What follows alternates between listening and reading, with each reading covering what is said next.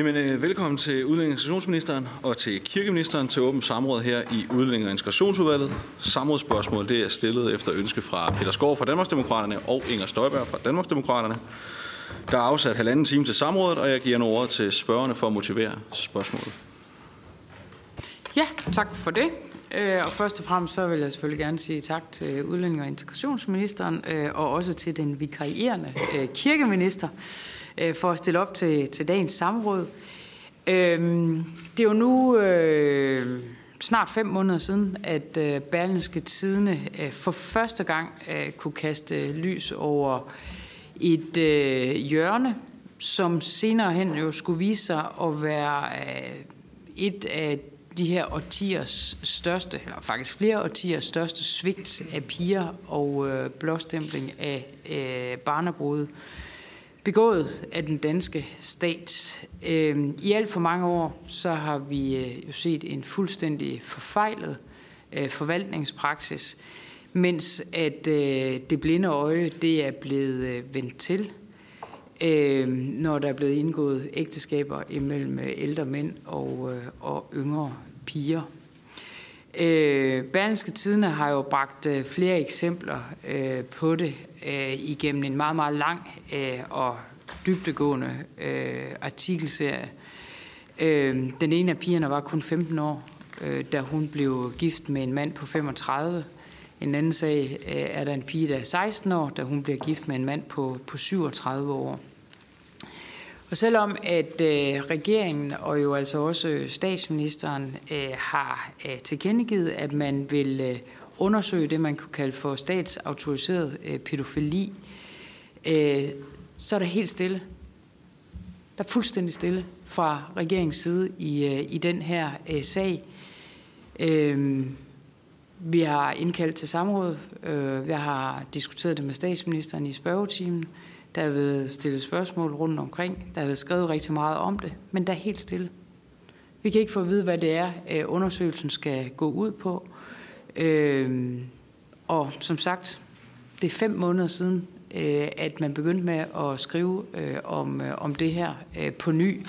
Nu er det jo ikke, fordi barnbrud ikke har fyldt noget, og for nogle af os mere end andre, men, men det er ærligt talt grotesk, at øh, først så vender den, øh, den danske stat og, og forvaltningen af de her øh, sager, så vender man det blinde øje til der. Nu er det som om, nu vender regeringen også det blinde øje til. Det er et gigantisk svigt af de her øh, piger, og jeg synes simpelthen ikke, at, øh, at vi kan være det bekendt. Øhm, der er jo ingen tvivl om, at øh, vi fra Danmarksdemokraternes side, og det tror jeg jeg tror næsten, jeg tør at tage øh, alle på den her side af bordet øh, til indtægt for det. Vi vil til bunds i de her sager. Øh, det vil vi for pigernes skyld først og fremmest, men det vil vi selvfølgelig også for, for danske værdier og, og det, vi står på som fundament her i Danmark. Det skylder vi. og det er som om, jo mere man graver i de her sager, jo flere skeletter vælter der ud af, af skabene. Øh, Øh, senest der kunne man konstatere, at der er en øh, mindreårig pige i, øh, i Aarhus, der er blevet giftet væk til en ældre mand så sent som i 2022, efter at loven er blevet vedtaget, efter at jeg har været i fængsel for øh, at, at forsvare piger. Så er der en imam, der gifter en pige øh, til en, en ældre mand i, i Aarhus. Og hvad sker der? Ikke et hak. Der sker ikke et hak med den øh, imam. Altså, jeg forstår simpelthen ikke, hvad det er, der er galt. Og jeg forstår ikke, hvorfor regeringen ikke snart tager sig sammen øh, til at få gjort noget øh, ved, ved det her. Lige nu, der er det konsekvensfrit øh, at skalte og valte med, med pigernes øh, jo både hed, men jo også deres fremtid og ikke mindst deres øh, frihed. Øh, det er principper, som vi normalvis ikke øh, står på i Danmark, men lige nu, der vender regeringen det blinde øje til, og nu synes jeg altså, nu er det simpelthen på tide, at regeringen vågner op, også fordi, undskyld mig, men I har en chef i en statsminister, jeg er godt klar over, hun rejser rigtig meget og har øje for alt muligt andet, men det her, det er altså piger, der bor i Danmark, der lever i undertrykkelse, og det kan vi da ikke have. Tak til Inger Støjberg. Inden jeg giver ordet til ministeren, så bare lige for en god ordens skyld sige, at udover de venlige ansigter her i lokalet, så har vi Katrine Daggaard fra Liberal Alliance med over en forbindelse. Og så vil jeg give ordet til, til ministerne, udlændinge- eller jeg ved ikke, hvem der starter. Jeg tror, jeg starter. Ja, værsgo. og tak for det, og tak for lejligheden til at øh, komme her i Udlænding og Integrationsudvalget for at fortælle om, hvad by, land og kirkeministeriet gør for at sikre, at imamer udøver deres hvilesesbemyndelse inden for lovens rammer. Altså en besvarelse af den første del af spørgsmålet. For spørgsmålet er jo stillet helt rigtigt. Det handler om øh, de imamer, der ligesom andre forkyndere i anerkendte trosamfund har søgt øh, og fået en officiel bemyndelse til at foretage hvilelser. Det er nemlig de eneste religiøse forkyndere ud over folkekirkens præster, som har lov til at foretage vilser med borgerlig gyldighed øh, i henhold til ægteskabsloven. Og ægteskabsloven hører under social- og boligministeren, men bemyndelsen til religiøse hvilser, øh, eller religiøse forkyndere øh, til at foretage hvilser, hører under kirkeministeren. Derfor er samrådet i dag en god lejlighed til at redegøre for, hvad der skal til for, at religiøse forkyndere kan få en hvilesesbemyndelse, og hvordan der føres tilsyn med, at hvilesesforretteren overholder betingelserne for bemyndelsen. Jeg vil også gerne først som sidst slå fast, at alle religiøse forkyndere selvfølgelig skal overholde dansk lov. Derfor er det også helt uacceptabelt, hvis en religiøs forkynder forestår en religiøs hvilelse eller indgåelse af anden ægteskabslignende forhold med en mindreårig. Det kan straffes med indtil to års fængsel efter straffelovens paragraf øh, 260a, uanset om forkynderen har en hvilesesbemyndelse fra kirkeministeriet eller ej. Det er en opgave for politiet og domstolene, men det vil også være et brud på betingelserne for øh, hvilesesbemyndelsen, hvis forkynderen har en sådan en. Og det vil derudover, eller derefter, øh, en konkret vurdering øh, også føre til en tilbagekaldelse af bemyndelsen. Lad mig som lov redegøre kort for, hvad der skal til for en religiøs forkynder i et anerkendt trosamfund kan få en hvilesesbemyndelse. Det kræver konkret ansøgning fra trosamfundet til by, land og kirkeministeriet, som efterprøver en række forhold. For det første skal trosamfundets hvilesesritual godkendes af by, land og kirkeministeriet, så det sikrer, at hvilesen foregår i overensstemmelse med betingelserne i ægteskabsloven. Hvilesesritualet skal opfylde følgende betingelser. Parret skal være til stede samtidig. Parret skal øh, på spørgsmål om øh, fra hvilesesforretteren erklærer at ville ægte hinanden. Hvilesesforretteren skal derpå forkynde dem som ægtefolk, og der skal være mindst to vidner til stede ved hvilesen. Hvilesesritualet må derimod ikke indeholde betingelser for ægteskabet, som er i strid med danske retsregler om myndige personers selvbestemmelsesret, eller som indeholder forskelsbehandling på grund af køn. Viselsesritualet må øh, for eksempel ikke indeholde betingelser om, at kvinden kun kan blive gift, hvis mandlige vidner, for eksempel hendes far, samtykker. For det andet skal den for kønner, der ønsker at få hvilesesbemyndigelsen, øh, opfylde en række yderligere krav. Øh, det hænger sammen med, at forkynderen udøver offentlig myndighed, når vedkommende foretager hvilesen. Det er med andre ord et stort ansvar forbundet med at øh, have bevises Øh, bemyndigelsen. Forkynderen skal have arbejdstilladelse i Danmark eller være fritaget for krav om arbejdstilladelse. Tale dansk eller bruge en medhjælper, som taler dansk, og udvise en adfærd, der ikke gør ham eller hende uegnet eller uværdigt til at udøve øh, offentlig myndighed. Der tjekkes i den forbindelse straffeoplysninger øh, og en børneattest.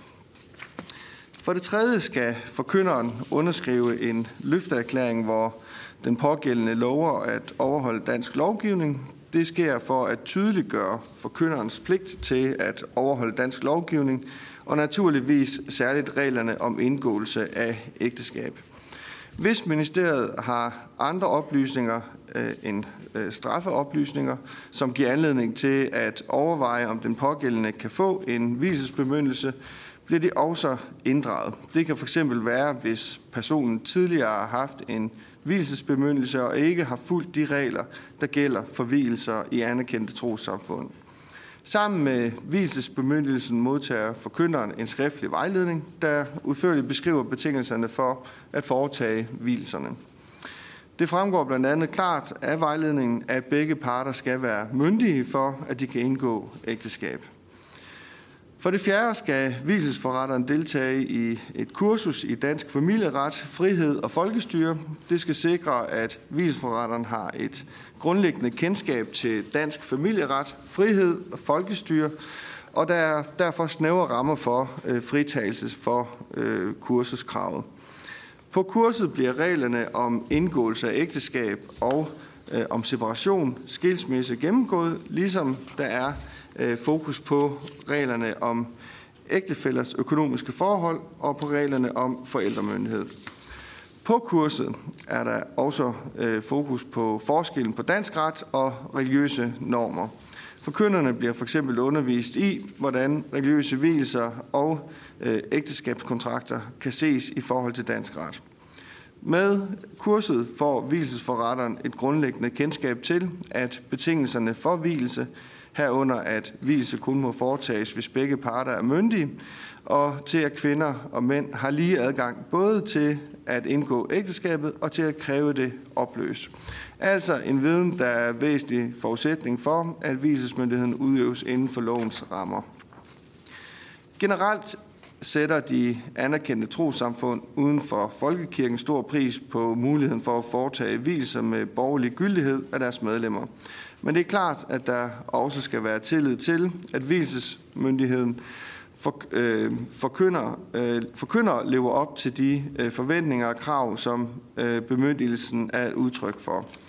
Det her by, land og kirkeministeriet tilsyn kommer ind i billedet, for hvis hvilesesforrettere i anerkendte trosamfund overtræder øh, betingelserne, så kan hvilesesmyndigheden tilbagekaldes. Det kan fx ske, hvis hvilesforretteren overtræder øh, øh dekorumkravet ved for eksempel at begå øh, straffelovsovertrædelser. Øh, eller det kan ske, hvis trosamfundets anerkendelse tilbagekaldes. For eksempel fordi trosamfundet ikke lever op til oplysningskravene om årsregnskaber og donationer. I så fald bortfalder grundlaget for viseforretterens bemyndigelse naturligvis også. Eller det kan ske, hvis hvilesforretteren i øvrigt ikke overholder dansk lovgivning, for eksempel ved at foretage en hvilelse, uden at der foreligger en prøveattest fra kommunen eller familieretshuset, som, er part, øh, som part opfylder betingelserne i ægteskabsloven. Hvis ministeriet får kendskab til en vilsforretter ikke opfylder betingelserne for at have bevisesmyndigheden, indleder ministeriet en tilsynssag, det konkrete, den konkrete viden kan for eksempel stamme fra avisomtale eller fra henvendelser fra kommunen øh, om en konkret hvilelse. Så lad mig slutte, hvor jeg begyndte. Religiøse viser af mindreårige er naturligvis fuldstændig uacceptabel og bør ikke finde sted i Danmark. Det gælder uanset om man er imam, præst, rabbiner eller druide for den sags skyld, og uanset om man har søgt eller fået hvilesesbemyndelsen fra by, land og kirkeministeriet. En hvilesesbemyndelse fra ministeriet kan som nævnt ikke bruges til borgerlig øh, gyldighed at vi mindreårige. Det vil sige, at en religiøs forkynder ikke lovligt kan vi mindreårige med en hvilesesbemyndelse i hånden. Hvis en hvilesesforretter foretager en religiøs hvilelse af mindreårige, er det en ulovlig handling, som er øh, kriminaliseret i straffeloven. Jeg vil derfor også slutte med en klar opfordring til alle med kendskab til hvilelser af mindreårige om øh, at anmelde dem til myndighederne, så vi kan få dem frem i lyset. Tak for ordet. Ja, tak. Øh, jeg vil svare på øh, den anden del af spørgsmålet, men først så vil jeg bare gerne slå fast, at det selvfølgelig er øh, dybt øh, forkasteligt, øh, hvis der foregår øh, hvilser af mindreårige her i landet, og det er, øh, jeg er ikke, øh, eller jeg er totalt enig med øh, min kollega, som har ansvaret for det her område, som sagde, at det er et moralsk kompas, der er gået i stykker, og det er et spørgsmål om øh, statsautoriseret øh, pædofili, hvis det her øh, foregår. Så Øh, Øh, der er ingen øh, forskel i den holdning, som vi kommer med øh, som regering, og som social- og boligminister, der har ansvar for det, også har sagt. Og det er forkasteligt, at det i Danmark er sådan, at der er kvinder og piger, som lever i en lomme af middelalder inde i vores moderne samfund, og som ødelægger deres mulighed for at skabe sig det liv, som de ønsker. Det skal der ikke være to holdninger til. Vi har tidligere forbudt religiøse hvilser af mindreårige af samme årsag. Straffen for øh, med tvang at fastholde en person i ægteskab eller ægteskabslignende forhold er fordoblet, så det nu giver op til fire års fængsel. Vi har sikret, at negativ social kontrol eller brugen af religiøse skilsmissekontrakt kan straffes som øh, psykisk vold. Med de lovændringer så har vi sendt et klart signal om, at religiøse hvilelser af mindreårige er uacceptabelt, og alle, der medvirker hertil, begår en strafbar handling. Tal fra Rigspolitiet viser, at den lovgivning, der forbyder religiøse hvilelser af mindreårige, endnu ikke er blevet anvendt, til trods for, at vi hører i medierne og fra eksperter, at religiøse hvilelser af mindreårige desværre stadig finder sted i Danmark. Det kan derfor også undre mig, hvorfor de her sager ikke finder vej igennem vores retssystem. Men at nogen bliver retsforfulgt og i sidste ende dømt, kræver først og fremmest, at sagerne anmeldes til politiet.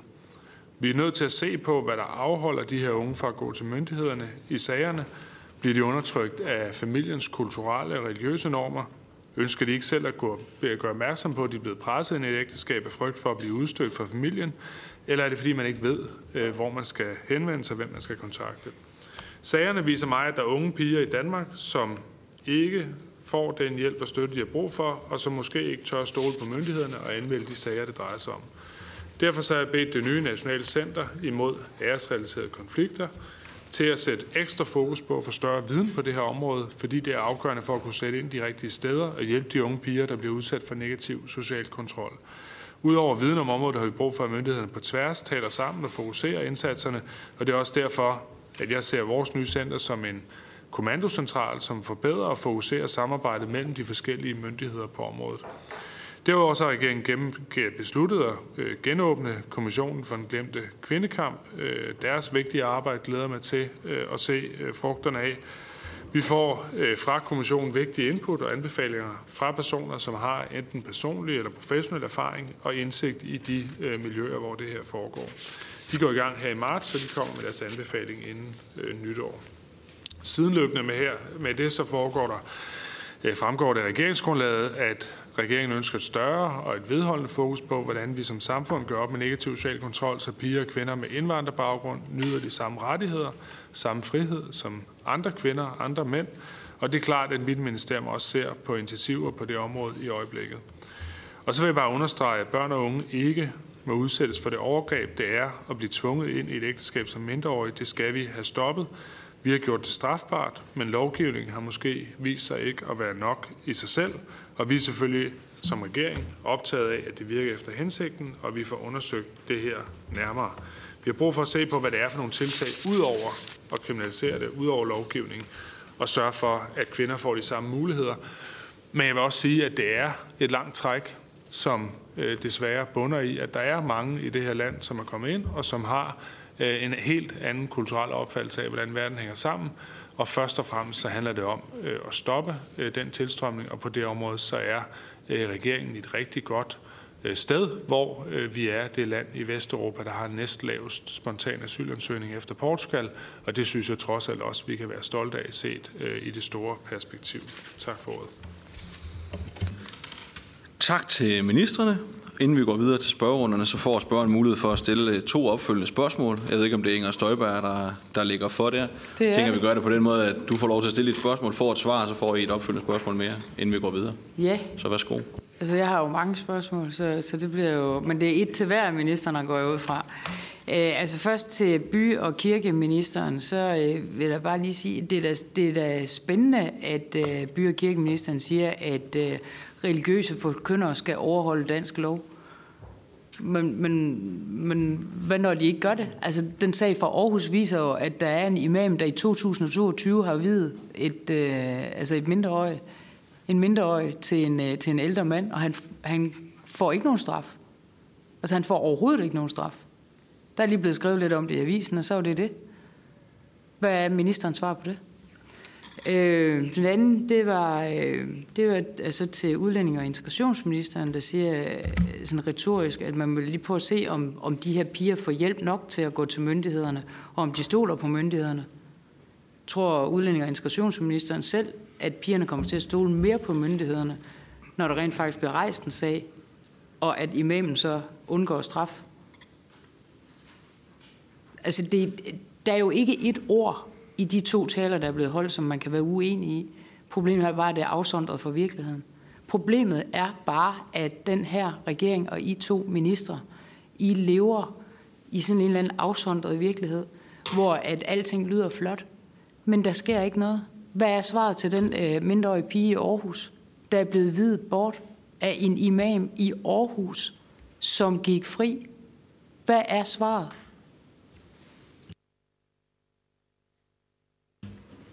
Tak for det. Jeg ved ikke, om vi skal lægge ud nede ved kirkeministeren. Men sandheden er jo nok, at der i virkeligheden ikke er et simpelt svar.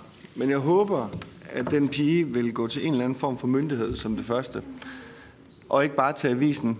Øh, og det er, det, der har været, det er jo det, der er den store udfordring øh, for os. Det er jo, at vi skal have kendskab til de sager, før at vi kan agere på dem. Øhm, og så må jeg også bare være ærlig og sige, at jeg får nok ikke løst alle de udfordringer i de øh, par uger, jeg er vikarierende minister på området. Øh, og derfor så er det måske i virkeligheden også mest fair, at det er ministeren på området, der får lov til at, at, at præsentere, hvad det er, man øh, påtænker sig, når nu at vi arbejder på en revision af trosamfundsloven. Men det, det, kunne være, det kunne være bredt, det kunne jo også være i forhold til at se på muligheden for, øh, hvilke anerkendte trosamfund, der fremadrettet skal anerkendes i øh, hvad hedder det, tro, trosamfundsloven øh, med videre. Tak for det, og udlænding og Ja, altså det, jeg er ikke enig øh, med, med øh, spørgeren, når der bliver sagt, at alle er enige i det. Det, det tror jeg bestemt ikke. Altså, jeg tror, at der findes partier i Folketinget, som bestemt ikke er enige i det, som, som jeg selv og, og kirkeministeren siger, om der bliver sagt, at det kan alle være enige i. Det tror jeg bestemt ikke. Altså, og man må, øh, det er jo for hele Folketinget, at vi holder det her arrangement. Så, så jeg synes, det er vigtigt at slå fast, og det kan godt være, at man synes, at det er forkert, at man hellere vil sidde og snakke, når det er, der bliver svaret på det spørgsmål, man stiller. Men, men der må jeg bare sige, det er øh, vigtigt for mig, hver gang jeg har muligheden at slå, slå fast, at vi skal gøre så meget, som vi overhovedet kan i den her sammenhæng. Øh, og jeg tror også, det er vigtigt, at man som regering står ret hårdt øh, på det forhold, og ikke bare begynder at relativisere det.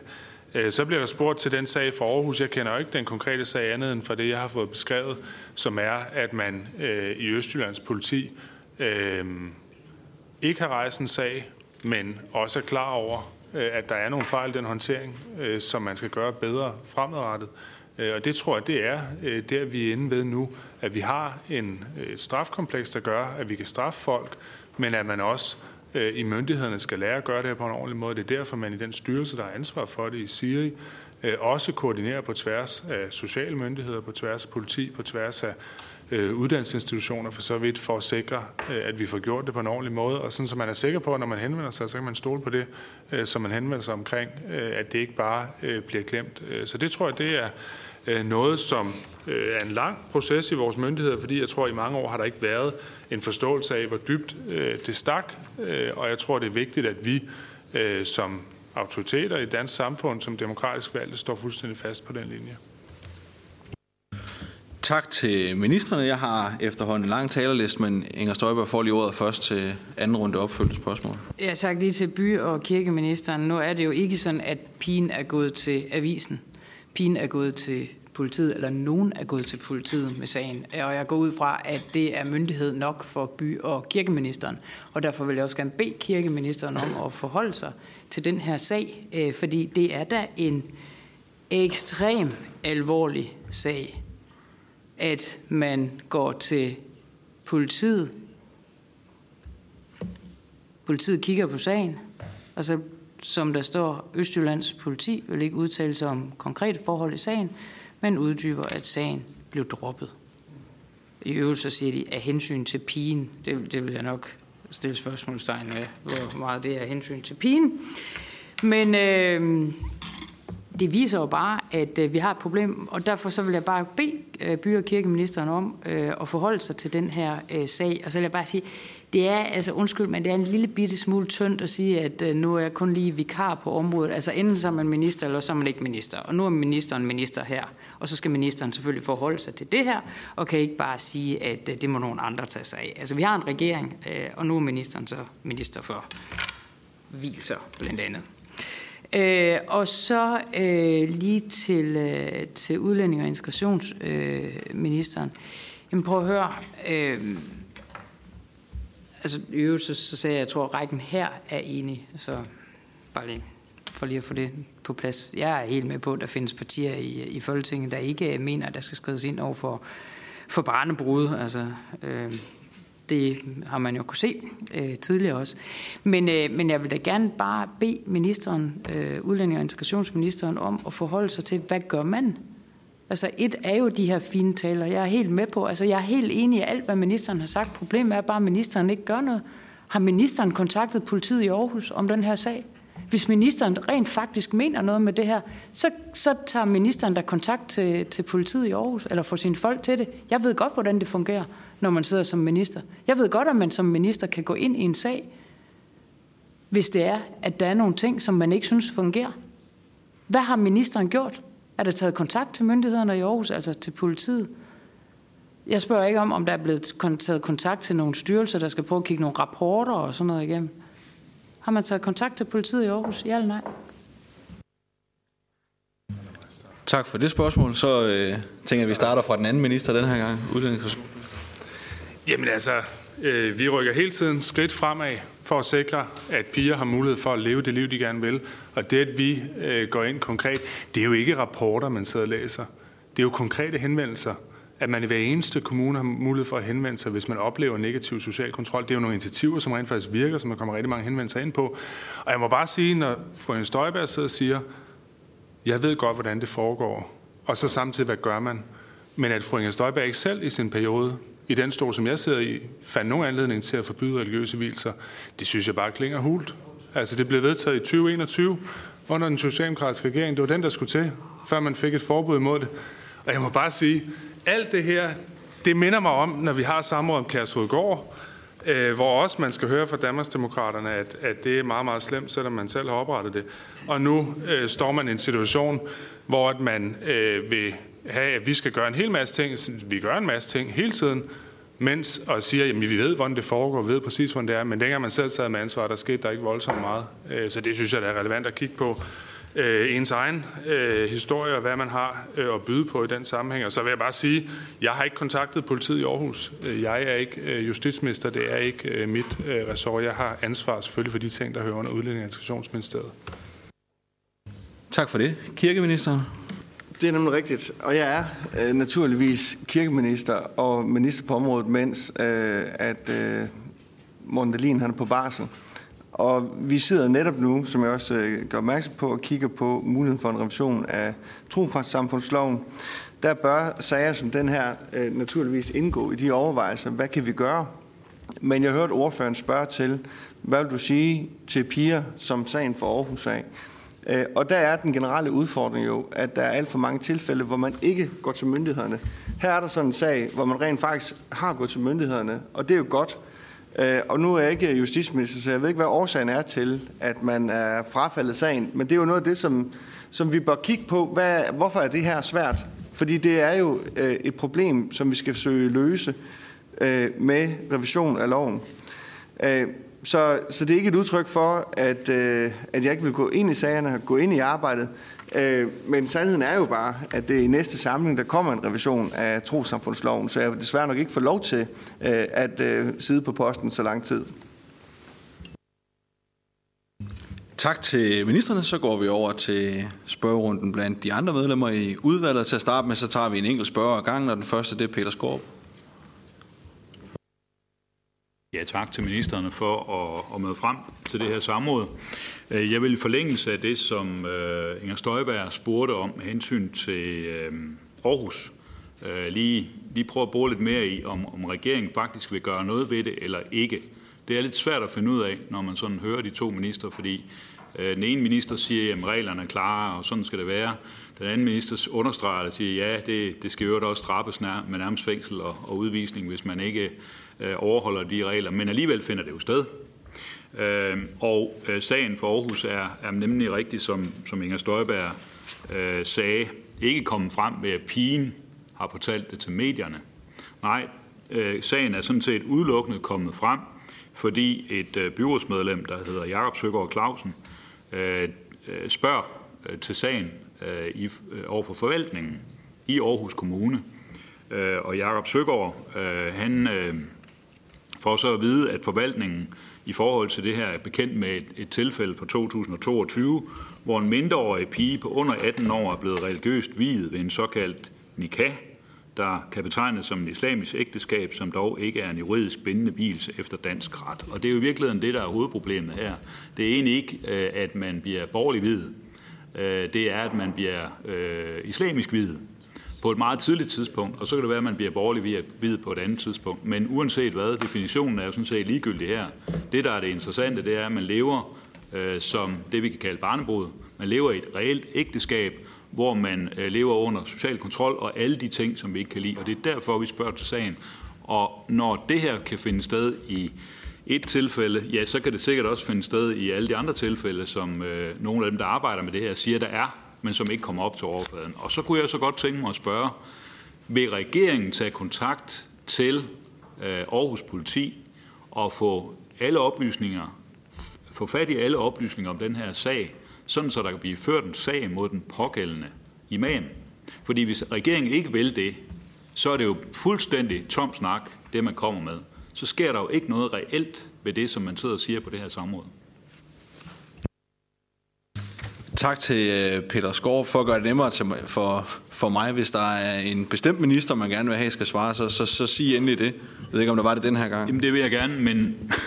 Jamen, det, jeg kan også bare give det videre til begge to. Men det er jo ikke noget, man sidder og henviser til justitsministeren, som ikke er til stede. Man sidder vel i den samme regering, gør man ikke? Jamen, så må jo indkalde ham. Det er, jeg starter i hvert fald i den her omgang med at give ordet til, til udlænding- og integrationsministeren. Ja, altså, der har jo været samråd tidligere med øh, den ansvarlige minister, som er øh, socialboligministeren. Det virkede også til, at øh, man fik nogle ting på bordet, og der var en god dialog, øh, ligesom vi har i dag. Og jeg tror, øh, øh, hvis man gerne vil vide specifikt, hvad forholdene er i Østjyllands politi, øh, så er det justitsministeren, man skal henvende sig til. Jeg vil gerne tale med justitsministeren om, øh, vi kan få øh, nogle nærmere oplysninger, men det er jo øh, det ansvar, det ved øh, hr. Skåb også godt, som øh, mange år i retsordfører. Det er den måde, øh, det hænger sammen på. Og så vil jeg bare sige, at jeg er uenig i det, der bliver sagt om, at vi ikke vil gøre noget ved det. Altså, øh, i løbet af de sidste, øh, mens jeg har siddet i regering, øh, både på den her post og der havde en anden post, der har vi øh, taget en række øh, skridt for at forbedre øh, kvinders retsstilling, kamp imod social kontrol, øh, først og fremmest forbud mod religiøse hvilelser, at man kan øh, straffe folk øh, for psykisk vold, at man fordobler øh, straffen for, for at fastholde folk i et ægteskab imod deres vilje. Altså, det er jo fair nok, at man ikke i de mange år har Peter Skorp siddet i Folketinget og haft indflydelse på retspolitikken, ikke selv har fundet på det tidligere, men man må dog anerkende, at det var en god idé, at vi vedtog de her ting. Øh, det er jo i hvert fald ikke noget, man har stemt imod. Jeg tror endda, at man selv har været med i nogle af de aftaler. Så, så lad os bare lige inden vi siger, at der ikke er sket noget som helst. Øh, der sker noget hele tiden, og vi rykker hele tiden skridt frem på brættet, fordi vi ved godt, at denne her... Øh, det her parallelsamfund og den her subkultur, som, som, øh, som der, der er rigtig mange steder, det er noget, som er ekstremt farligt. Og hvis vi ser på vores nabolande, så kan vi se, at øh, jo mere man giver det plads, øh, Øh, jo mere breder det sig til forskellige institutioner, øh, til forskellige myndigheder, for plads til at udøve øh, social øh, kontrol over nogle mennesker. Og derfor skal man sørge for, at de har så lidt plads som muligt. Og hele tiden sørge for, at man presser dem på alle de fronter, hvor man kan. Øh, og det er sådan set det, som, som vi har gjort. I hvert fald al den tid, jeg har siddet i regeringer, og jo også heldigvis før det, da der var øh, andre regeringer. Tak for det. Det var naturligvis uh, heller ikke noget, jeg sagde, fordi uh, at, at Peter Skorp ikke skulle få lov til at få, få svar på de spørgsmål, uh, han stiller. Det var bare for, at jeg kunne, hen, uh, kunne rette uh, spørgsmålet til præcis den minister, som, som man gerne vil have et svar fra. Den næste på min liste er Mikkel Bjørn. Tak for det. Jamen, øh, det er jo en retorisk dans om den varme grød til det her samråd i dag. Altså, øh, kirkeministeren, han siger, at han ved ikke, hvorfor øh, sagen er frafaldet og det er jo simpelthen så hovedløst øh, en mærkværdig udtalelse, som noget kan være. Altså, det her har været fremme i medierne. Han sidder til et samråd i dag for at redegøre for sagen. Øh, det er udtalt adskillige steder, hvorfor den her øh, fra, sag er frafaldet. Og det er den ordret øh, citat af hensyn til pigen, fordi det vil skade pigens familieforhold hvis man forfulgte den her sag. Altså det her, det er jo et øh, krystalklart eksempel på det, som øh, Socialdemokratiets udlændingeordfører her Frederik Vad taler om, nemlig en form for infiltration, i hvert fald kulturelt og idémæssigt, af vores offentlige myndigheder. Fordi hvis vi begynder at tage hensyn til øh, pigers øh, familieforhold i, i relation til, om vi skal retsforfølge mennesker, som øh, udøver ulovlige øh, praksiser, eksempelvis i forhold til hvilelse af mindreårige, jamen så har vi da først øh, givet, øh, givet fortabt i forhold til at løfte vores ansvar som offentlige offentlige myndigheder. Så det vil jeg godt bede ministeren om at redegøre for os. Altså, at han ikke ved, øh, altså prøv at ministerierne taler der sammen. Hvis man er indkaldt til samråd i dag for at redegøre for en sag, og der er noget, man ikke ved, jamen så, øh, øh så øh, retter man da henvendelse til den relevante øh, minister, som så kan, kan indhente øh, bidrag. Så altså, det virker for mig fuldstændig øh, mærkværdigt. Men jeg vil egentlig godt ind til kernen af øh, det, der i hvert fald er vores bekymring i Dansk Folkeparti og vores ønske til, øh, hvad skal man sige, handling på det her område. Nemlig, hvorfor er det, at islamiske trosamfund, som gang på gang ikke kan finde ud af at overholde retningslinjer og regler på de her områder, at de skal have øh, eksempelvis hvilesesmyndighed øh, til at udøve den her øh, forfejlede praksis. Der var også en sag for nylig, hvor øh, det islamiske trosamfund var ude efter terrorangrebet i Israel og opfordrer, i, opfordrer til jihad i en offentlig prædiken. Altså, kan vi blive ved med at stå inde for, at de her islamiske trosamfund, de skal have de her særlige privilegier og bemyndigelser, når de gang på gang viser, at de ikke har gjort sig fortjent til dem. Tak. Tak til Mikkel Bjørn. Det hørte jeg som et spørgsmål til kirkeministeren, så derfor vil jeg give ham ordet. For det første så er det helt uacceptabelt, når der bliver øh, de her eksempler bliver fremvist med hvilelse af mindreårige. Det står jo uden for enhver diskussion. Men det er også uden for enhver diskussion, at jeg ikke er justitsminister. Øh, og derfor, hvis man vil høre øh, om, hvad der ligger til grund for en sag, udover hvad der er refereret i pressen, øh, så øh, må man jo øh, søge oplysning via Justitsministeriet. Men det ændrer ikke på, at det jo netop er sager, som, som den for Aarhus, som skal indgå i det arbejde, vi skal have lavet, når vi kigger på en revision af trosamfundsloven. Så det er jo netop øh, hele formålet. Øh, dels øh, skal man jo selvfølgelig ikke lave politik ud fra en enkelt sag, men mange enkelte sager skal jo indgå i en kommende politik. Men dels så skal vi jo have, have lavet et øh, ordentligt arbejde, og det er det, der pågår nu. Øh, og, og derfor så er det ked af, at man har troet, at vi kommer og breaket øh, ny politik på samrådet i dag. Men det er det, som bliver øh, fremsat øh, i næste samling, altså efter sommerferien. Tak til ministeren. Så står der Susie Jessen på min blog. Tak for det. Øhm, ja, vi er her jo i dag for at få stanset den her fuldstændig altså, skøre praksis, der finder sted med helt, helt små piger, der bliver gift med ældre mænd. Og hen over sommerferien, så var der jo den her øh, afdækning fra Berlingske, som, øh, som havde interviewet en hel del øh, kvinder, som var blevet gift som børn. Øh, nogle af beretningerne, der var en af beretningerne, der blandt andet fortalte, det var en 14-årig pige, som var blevet gift med, med en mand i 40'erne, tror jeg nok. Øh, lærerne, de var med til brylluppet, står der i artiklen. Øh, der er også et andet eksempel på en, øh, en pige, der kun var 16 år, da hun blev gift, øh, som siger, at vi er rigtig mange kvinder, der føler os svigtet af systemet, fordi der ikke var nogen, der stoppede det. Nu ved vi jo, at øh, regeringen endelig, endelig har gennedsat øh, Kommissionen for den glemte kvindekamp. Der er gået noget tid. Der er gået over et år. Øh, spild, tid. Øh, men nu har regeringen jo så endelig besluttet sig for at gennedsætte den her kommission for den glemte kvindekamp. kommissionen havde jo allerede nogle delanbefalinger, som blev, blev indberettet her inden sidste valg. En af dem handlede blandt andet om det her, hvordan man får styrket øh, samfundet omkring de her piger til at kunne håndtere social kontrol. Øh, det kan være lærere, det kan være pædagoger, det kan være øh, sundhedsplejersker, der kommer i hjemmene. Jeg kunne godt tænke mig at høre, øh, det er så udlændingeministeren, om hvad har man egentlig tænkt sig at tage fat i netop i forhold til de her punkter fra Kommissionen for den glemte kvindekamp? Fordi at, og vil man egentlig overhovedet tage fat i nogle af de første delanbefalinger, der er kommet fra Kommissionen for den glemte kvindekamp? Men helt specifikt skal vi ikke lige have styrket nogle af de her muligheder for at øh, gribe de her kvinder, altså sådan så, øh, så der også bliver taget fat i det i hjemmene for eksempel allerede. Når man får et barn, kan man jo komme ind i et hjem og se, som, øh, som, øh, som sundhedsplejerske, at der er noget rivrafrustende galt. Øhm, der er noget rivrafrustende galt, når der er nogle lærere, som deltager i et bryllup med en 14-årig. Jeg synes, at det er fuldstændig absurd, det det finder sted i Danmark. Tak til Susie Jessen, udlænding- og. Jamen det vil jeg også sige, det er jo helt gakket. Øh, og øh, jeg havde selv øh, i anledning af, af denne her øh, medieomtale øh, øh, anledning til at mødes øh, med en øh, pige med, øh, kvinde er hun jo i dag, men altså en, som da hun var pige, øh, blev giftet øh, ind i sin marokkanske familie, og det er jo simpelthen øh, umenneskeligt, øh, det som folk bliver, bliver udsat for, øh, og det, nu, ja, det skal måske ikke det rigtige sted at gå i detalje med det, men, men bare for at sige, det, øh, det gør et enormt dybt indtryk, synes jeg, når man møder folk, der har været i de her situationer, og øh, derfor eller det var en af årsagerne til, at vi oprettede øh, Kommissionen for en glemt kvindekamp i sin tid. Der blev lavet ni anbefalinger. Den, desværre øh, blev det jo på den måde, at de otte gode anbefalinger, øh, som de fleste var enige om, ikke øh, fik så meget opmærksomhed. Den 9. anbefaling, som også jeg synes var spændende, men som alligevel også har nogle udfordringer, netop forbud mod øh, tørklæder, at, at den tog øh, det meste opmærksomhed. Der er øh, fire af de anbefalinger, som forskellige steder i regeringsarbejdet lige nu øh, enten er implementeret eller i gang med at blive implementeret. Vi kigger selvfølgelig på,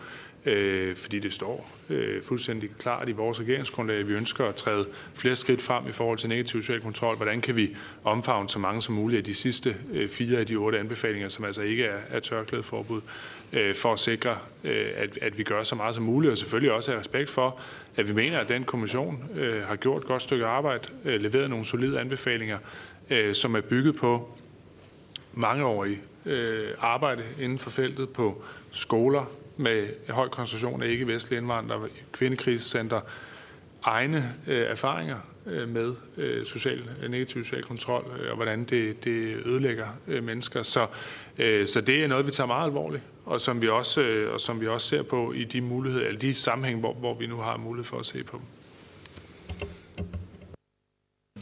Tak for det. Så er det Kim Edberg Andersen. Det var dejligt, fordi jeg bliver simpelthen så irriteret, når jeg skal sidde og høre på sådan noget øh, lidt, lidt varm luft fra to minister. Fordi skal vi ikke bare konkludere alle sammen her, at øh, vi ved, at systemet der, det virker ikke. Altså det har jeg hørt ministeren øh, sige på talerstolen i Folketinget, det virker ikke. Og hver gang så, får, så kommer der en ny rapport, eller vi nedsætter et eller andet. Øh, vi ved, at øh, systemet virker ikke. Vi ved, at politiet så åbenbart også tager mest hensyn til, at familien øh, de, de kan godt lide at have en, et barn som, som brud. Så det vil være trist for hende at komme hjem og få over det. Så der gør vi heller ikke noget. Så systemet virker ikke. Og så har vi så ministerne tilbage, som burde være dem, som så tog hånd i handske med det her. Og det gør de så heller ikke. Fordi jeg hører en kirkeminister, der, der sidder og siger, Jamen, øh, det er jo ikke en borgerlig hvilelse, så jeg har faktisk ikke fængslet ham i mange endnu. Det kunne jeg godt, hvis det var en borgerlig hvilelse, men det her det er sådan en underliggende kultur, hvor man kan blive muslimsk hvid, og det, det ser vi sådan lidt mellem fingre med. Og så øh, kommer der måske noget her senere, vi kan måske snakke om, at der er nogle trosamfund, der ikke? Og vi ved alle sammen, at det bliver ikke det muslimske trosamfund. Jeg hører en minister stille sig op i efteråret og sige, at det skal forbydes. Det ved vi alle sammen. Godt. Hvor er så, vi står? Vi står med nogle børn, som er blevet gift med gamle mænd, og en regering, der siger, Ja, vi kommer til at tage alle snakken og danse omkring juletræet, men vi kommer ikke til rigtig at gøre noget ved det, fordi vi synes faktisk, det er sådan lidt hyggeligt, når de stemmer på os alligevel. Punktum. Det, jeg synes, der er rigtig irriterende med det her, det er, at vi, vi har jo en regering, hvor at man kan i hvert fald ikke være del af i hvert fald det ene af partierne, hvis man har gjort det samme. Så ryger man ud, ikke? Men man kan godt have samtidig sidde i den regering, og så blive giftet væk, og, og Gud forbyde, at man så øh, stiller en 15-årig pige, der står og kigger på hele hendes familie, hendes lærer og så videre, hvem der skal med til festen bagefter, og siger, har du lyst til at blive gift med Oscar? Han er 52. Nej, det kunne jeg godt forestille mig, en 15-årig pige ikke synes var en fed diskussion. Så det, jeg mangler at høre fra ministerne, det er noget rent konkret. Vi ved, der er næsten 2.000 øh, sager af det her. Har ministerierne, og de ved jeg, at de har i hvert fald ressourcer nok, har de været inde og undersøge de her sager? Det kan vi med rent bare kigge ind på data. Okay, hvor gammel har øh, A været det blev gift? Hvor gammel har B været gift? Har de fået børn inden B, som var 15, da de blev gift? Øh, så også øh, øh var blevet 18. Og så kunne man så tage sådan helt ud og sige, at det kunne en 15-årig, der havde lyst til en på 62, øh, gjorde hende gravid. Nej, det var nok ikke særlig fedt. Jeg tager lige jeg ringer til dem. Fordi man kunne jo godt lave en initiativret som minister også. Det jeg så spørger ind til, fordi nu har jeg hørt dansen, og vi vidste jo, inden vi kommer ind, hvad for noget varm snak vi fik, og jeg glæder mig til efteråret. Det glæder jeg mig til, for jeg håber da bestemt, at der kommer bestemt, for jeg tror, at intentionen er rigtig. Men, udover at sidde på hænderne, har I så ringet rundt, har I gjort noget? Ikke? Eller accepterer I bare, at det er sådan, og bare fordi det ikke er borgerligt og strafbart, så kan vi blive ved med at sidde på hænderne. Det er jo egentlig bare det der sådan helt simple nordiske spørgsmål, jeg havde. Har I tænkt jer at gøre noget, eller har I bare tænkt jer at sidde og snakke? Og, og i hele taget spurgt det tredje regeringsparti, om de synes, det er fedt. At man kan ikke være medlem af en folketingsgruppe, hvis man gør det, men man kan sagtens blive gift, og, og så skal vi heller ikke sagt mere om det, fordi det bliver trist, når man kommer hjem. Tak til Kim Edberg. Jeg hørte det som et spørgsmål til begge ministerne, så jeg ved ikke, øh, hvem der har lyst til at lægge for. Udlændingsministeren. Det var, det var i hvert fald det mest underholdende indslag indtil videre her på mødet. Du, du må gerne komme med til nogle flere af vores samråd, Kim. Det tror jeg, der vil komme meget godt ud af. Men, men bare sagt sådan helt stilfærdigt, jeg, jeg tror sgu ikke, de stemmer på os, hvis det er det, vi snakker om. Altså, jeg tror, der er mange af dem, de stemmer slet ikke.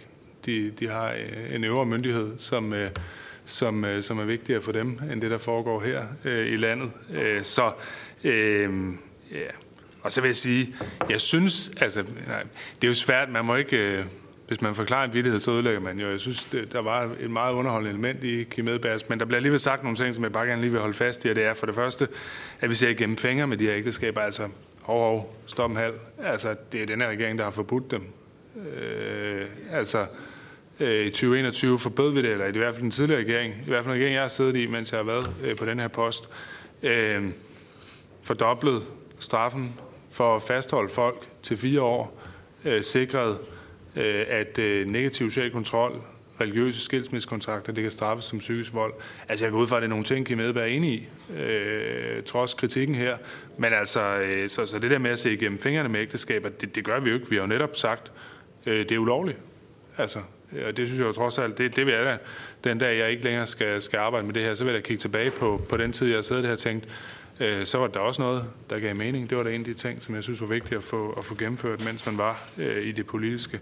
Og så i forhold til, øh, om ministerierne undersøger sagerne, altså øh, Social- boligministeren, som har ansvar for det her område, øh, har jo sagt, øh, som jeg forstår det i hvert fald, nu sad jeg ikke sådan og deltog i samrådet, men som jeg forstod på det samråd, så blev der sagt, at der skulle iværksættes en undersøgelse, øh, der er lidt større af det her, som også øh, statsministeren sagde til, til fru Inger Støjberg nede i Folketingssalen, så det antager jeg selvfølgelig, at det er i gang med at foregå nu. Tak for det. Kirkeministeren. Ja, tak for det. Øh, jeg forstår godt, at man har brug for også at, at ty til humor, selvom at, øh, jeg synes, det er lidt svært at grine af det her emne. Øh, men det ændrer ikke på, at der er en lille misforståelse, nok lige skal rette øh, øh, øh, for dig, Kim, og det er, øh, der skilles simpelthen ikke mellem, og det skal der naturligvis heller ikke, om det er en borgerlig hvilelse eller en religiøs hvilelse. Altså uanset hvad, øh, så er det ulovligt, øh, og så øh, skal det straffes, hvis det kan. Øh, Øh, øh, sidder vi så på hænderne? Øh, nej, det gør vi ikke. Øh, som jeg har redegjort for, så sidder vi lige nu og kigger på en revision af trosamfundsloven, øh, hvor at vi både kigger på os, øh, muligheden for strammere regler for anerkendelse af trosamfund, og strammere regler for anerkendelse af hvilesesforretter. Som, altså bare blandt andet nogle af de ting, som der ikke bliver præsenteret eller lanceret ved samrådet i dag, men som der bliver øh, præsenteret via lov øh, efter sommerferien. Tak for, øh, tak for det. Så er det Peter Skorp. Jo, tak for det. Og øh, jamen, jeg sidder stadigvæk sådan og synes ikke rigtigt, at jeg har fået svar på øh, de spørgsmål, jeg stiller. Jo, øh, øh ministeren siger så, integrationsministeren siger, at han vil da godt, som, som jeg hørte, tage kontakt til politiet i Aarhus, eller noget af den stil. Men sagen er jo, at der er, der er en konkret sag her. Vi kender, vi kender sagen. Vi ved, hvad der er foregået. Øh, politiet fortæller selv om det. Hvad gør regeringen? Ja, den gør jo ingenting. Den gør muligvis noget efter det her samråd, og det vil jeg så godt vide, om man gør rent faktisk. Og hvad gør man? Men man gør ingenting. Man laver noget lovgivning. Det var den tidligere minister. Man skal i spillet, man skal udvises, siger man. Øh, straframmen, bedre straframme, alt det der. Men, men det er jo bare ikke nok, som flere har været inde på, både Kim Edberg og Mikkel Bjørn og Inger Støjberg. Vi siger lidt det samme herover. Vi, vi kigger på, på, hvad regeringen gør, og ser, at den gør ingenting. Og så kan det godt være, at man siger, at man har en plan, og man vil lave et center, men nu taler vi om de her sager. Det er det, der er indkaldt til samråder. De her sager gør man ingenting ved i praksis. Med mindre man her i dag på samrådet kan sige, nu sørger man så faktisk for, for at få fat i den imam, der står bag øh, den her øh, hvilelse, ulovlig hvilelse. Nu sørger man sådan, så at få den her sag op til overfladen, ligesom de andre sager, der jo også er derude. Det er jeg spændt på at høre, om man gør og vil gøre. Så øh, var, øh, og det var så også integrationsministeren lidt inde på, at øh, både socialministeren og statsministeren har svaret øh, i Folketingssalen og øh, under samrådet øh, på, at øh, man gerne vil øh, kigge på øh, kongebreve og barnebruget og hele den her skandale, som er blevet oprullet af Berlingske Tidene. Man vil gerne undersøge det nærmere. Der kunne jeg godt tænke mig at høre, øh, om øh, øh ministeren, øh, ministerne vil sørge for, at øh, det undersøges, hvordan øh, de her barnebrud stadigvæk øh, åbenbart øh, finder sted og har kunne komme til Danmark øh, efter 2017, selvom man jo sagde der, at man ikke ville have det, hvor man afskaffede kongebrevene. Og jeg vil også godt spørge, øh, hvorfor regeringen ikke har fremlagt et grundlag og en ramme for sådan en undersøgelseskommission af barnebrudsskandalen. Tak for det. Udlænding og socialministeren. Ja. Øhm, jamen, jeg er simpelthen ikke enig i øh, det, der bliver sagt, om man ikke gør nogen ting. Altså, tilbage i 21, der skærpede vi straffen på en række områder her. Øh, blandt andet gjorde det ulovligt at lave religiøse hvilser. Det er den straframme, som er enormt vigtig at have. Så kommer det frem, det er svært for os at finde frem til de her sager.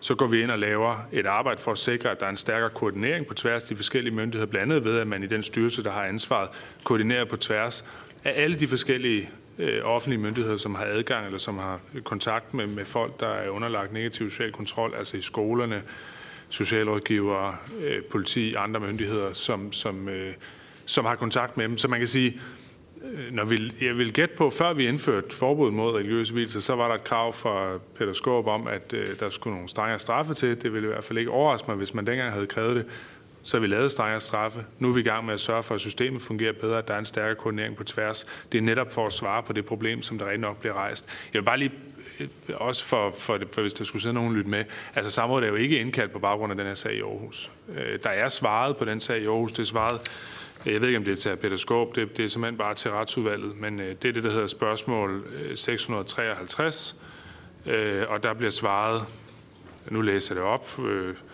Rigspolitiet har til brug for besvarelsen indhentet udtalelse fra Østjyllands politi, som har oplyst, at politikredsen 9. januar 22 modtog en anmeldelse i sagen. Østjyllands politi fandt ud fra en samlet vurdering et grundlag for at rejse sigtelse, hvorfor, hvorefter sagen blev henlagt. Østjyllands politi har endvidere oplyst, at politikredsen i forbindelse med en gennemgang af sagen har vurderet mulighederne for at sikre håndhævelsen af straffelovens paragraf 260a, eller andre relevante strafbestemmelser burde være blevet undersøgt til bunds. Politikredsen burde for eksempel have foretaget opfølgende afhøring af sagens parter med henblik på at afdække eventuelle oplysninger til brug for strafforfølgning af de involverede parter. Østjyllands politi har på baggrund af en konkret sag indskærpet, at håndteringen af sådan sager fremover forelægges for lederne af afdelingen for personfarlig kriminalitet, og at anklagemyndigheden skal inddrages i overvejelser om at indstille efterforskningen. Rigspolitiet vil drøfte håndtering af denne type sager med politikredsens linjechefer for efterforskning i forhold til at have fokus på at afsøge relevante efterforskningsmuligheder, samtidig med, at den forurettede sikkerhed varetages. Jeg ved ikke, om det spørgsmål er blevet sendt frem. Det, det, det gætter jeg på, at det er, men det er også færdigt, at man, man ikke lige har det præsent. Men, men også bare for, hvis der skulle sidde nogen og lytte til det, så er det jo ikke det, det er indkaldt på. Det er indkaldt det her samråd på det generelle spørgsmål om øh, de her modbydelige øh, øh, ting, der foregår, øh, og det forsøger vi at svare på selvfølgelig så godt som vi kan. Men, men selve Østjyllands politi og, og deres øh, håndtering af den her sag, det kan vi ikke svare på. Der er sådan set allerede blevet svaret på det. Tak til ministeren. Så får Inger Støjberg ordet. Ja, øh, først lige bare lige øh, til udlænding og integrationsministeren. Altså det kan godt være, at udlænding og integrationsministeren bryster sig af at have gennemført lovgivning, men de virker jo ikke. Altså det, det er jo det, der ligesom er problemet ved det her. Det er jo fint nok at, at gennemføre lovgivning, men hvis det ikke virker, Og det gør det jo tydeligvis ikke, i og med, at der jo er foretaget en hvilelse i Aarhus, efter at loven er vedtaget. Så altså, det fungerer jo ikke. Øh, og det fører mig sådan set øh, både det spørgsmål, men, men så også Peter Skorps øh, spørgsmål fører mig sådan set videre over i by- og øh, kirkeministerens øh, ressort. Fordi øh, jeg kunne godt tænke mig at få by- og kirkeministeren til at forklare, hvorfor tilsynet med de muslimske trosamfund jo ikke har afdækket problemet med barnebrud i, i de danske moskéer. Fordi det er vel det, tilsynet er til for, og, øh, og hvordan vil øh, ministeren sikre, at det tilsyn fremadrettet kommer til at fungere? Altså hvilke konkrete tiltag vil by- og kirkeministeren tage for at få det til at fungere? For det fungerer helt åbenlyst ikke. Tak for det. Der var øh, til kirkeministeren. Jeg kan også lægge ud ved uddannelsesministeren. Ja, bare sagt, øh, jeg er enig i, at lovgivningen ikke fungerer godt nok. Jeg går ud fra, at man ikke er imod den lovgivning, som den daværende regering lavede, øh, selvom man ikke selv havde anledning til at gennemføre den, da man havde ansvaret for det her område som udlændingeminister, hvad Inger Støjberg jo var. Men øh, Inger Støjberg fandt ikke i sine fire år som udlændingeminister anledning til hverken at forbyde religiøse hvilelser, eller tage anledning til, at andre regeringen gjorde det, til at fordoble straffen for at fastholde folk i ægteskab, eller til at sidestille negativ social kontrol med øh, psykisk vold. Det synes jeg er ærgerligt, fordi hvis man havde gjort det, da Inger Støjberg var minister, så havde der været et sted mellem øh, to og fem år øh, længere tid, hvor man kunne have straffet folk for det. Så det er det super ærgerligt, at man ikke allerede gjorde det dengang. Men jeg går ud fra, at man støtter op om den lovgivning, der er nu. Det, jeg har sagt flere gange på det her samråd, er, nu handler det om at sørge for, at myndighederne på tværs bliver bedre til at koordinere og sørge for, at de sager, der kommer ind, bliver behandlet ordentligt. Jeg synes sådan set, for nu at referere til det, øh, til det svar, der kom fra Justitsministeriet, det var et kunstnerisk indslag der, øh, det svar, der kom fra Justitsministeriet, øh, at der er noget, der tyder på, øh, at man har et stykke arbejde blandt andet i politiet med at sørge for at håndtere de her sager på en ordentlig måde. Det må være den næste prioritet, udover at få lovgivningen vedtaget. Ja. Tak for det. Så var der også et spørgsmål til, til kirkeministeren. I forhold til de øh, tilladelser, som der bliver tilbagekaldt, så er det jo øh, sket i eksempler som, hvor at øh, en vilsforretter havde fået kommunen til at registrere en vilse, selvom parret ikke var hvid. Det er sket øh, flere gange i forhold til manglende oplevelse af, øh, af øh, reglerne for kursusvirksomhed osv. Øhm, og har de så de rette værktøjer? Øh, det er jo noget af det, som vi løbende selvfølgelig skal se på, og som vi også ser på. Øh, og det er jo selvfølgelig afgørende for, øh, vores politiske beslutninger, hvad, øh, hvad de har muligheder. Så øh, vi er jo netop ved at kigge på de rammer, som man har arbejdet indenfor, fordi at det er øh, naturligvis øh, på ingen måde i orden, at vi oplever hvilelser af mindreårige.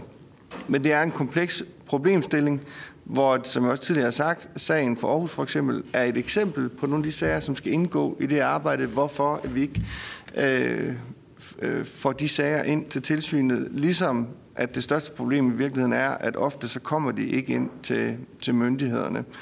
Og det er noget af det, som vi øh, også kigger på. Tak for det. Så er det Mikkel Bjørn. Tak for det, øh, ja, og tak for ministeren for at referere øh, vores øh, spørgsmål til ministeren om sagen. Det jeg egentlig bare vil øh, sige, det er, at øh, jeg spørger ind til. Først og fremmest så har Dansk Folkeparti jo stillet et øh, beslutningsforslag om at fjerne anerkendelsen af det islamiske trosamfund, som skal behandles i salen her inden for øh, nogle måneders tid. Og der i jeg, der, eller ser meget frem til, hvad, hvor regeringen stiller sig i det spørgsmål. Fordi ender man med at stemme imod det beslutningsforslag, så synes jeg jo egentlig bare, at man endegyldigt beviser, at man ikke tager de her problemer alvorligt. Fordi at det er de islamiske trosamfund, der gang på gang viser, at de ikke kan finde ud af at operere inden for øh, rammerne. Men så vil jeg egentlig spørge øh, øh, ind til, øh, hvad de egentlig synes, det siger om vores offentlige myndigheder, at de, når de skal redegøre for øh, fejlene i sådan en sag her, og det er jo fejl, det er jo kommet frem øh, i dag, øh, grove fejl, politiet har begået, øh, hvad de egentlig synes, det siger om vores offentlige myndigheder. De bruger øh, ord som af hensyn til familiens, øh, slutter pigens familieforhold.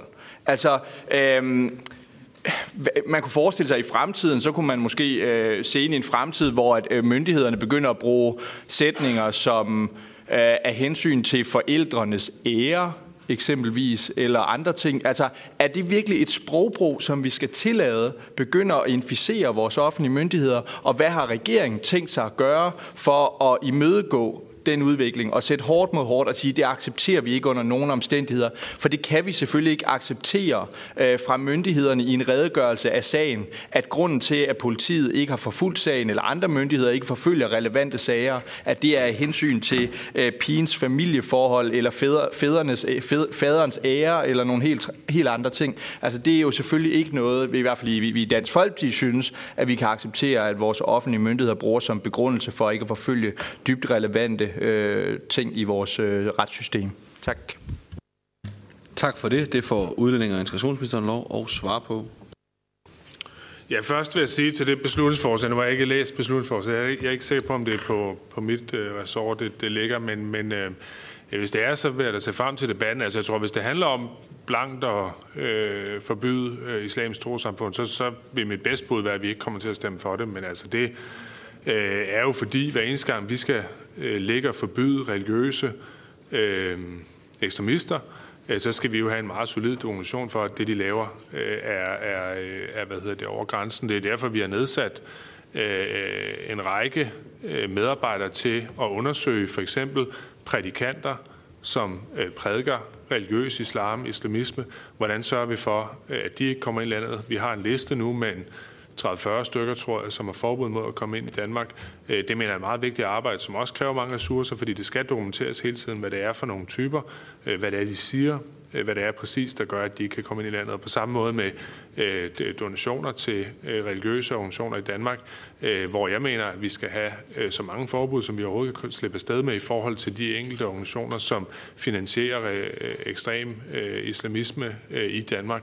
Men det er noget, der kræver, at man har solid dokumentation, før man går ud og, forbyde det. Tror jeg sådan, med al respekt også de fleste borgerlige partier kan se et fornuft i, at man ikke sådan bare kan, det ved jeg godt, det dækker det her, Mel Bjørn mener, men, men, øh, men hvis, du, hvis du spørger mig om, øh, skal vi stramme hårdere på trosamfundsloven, skal vi stramme hårdere på friskoler, øh, der er religiøse, så, så er jeg ikke sekund i tvivl om, at det der er behov for, øh, det, det synes jeg da kun øh, at, er det fornuftigste, man kan gøre.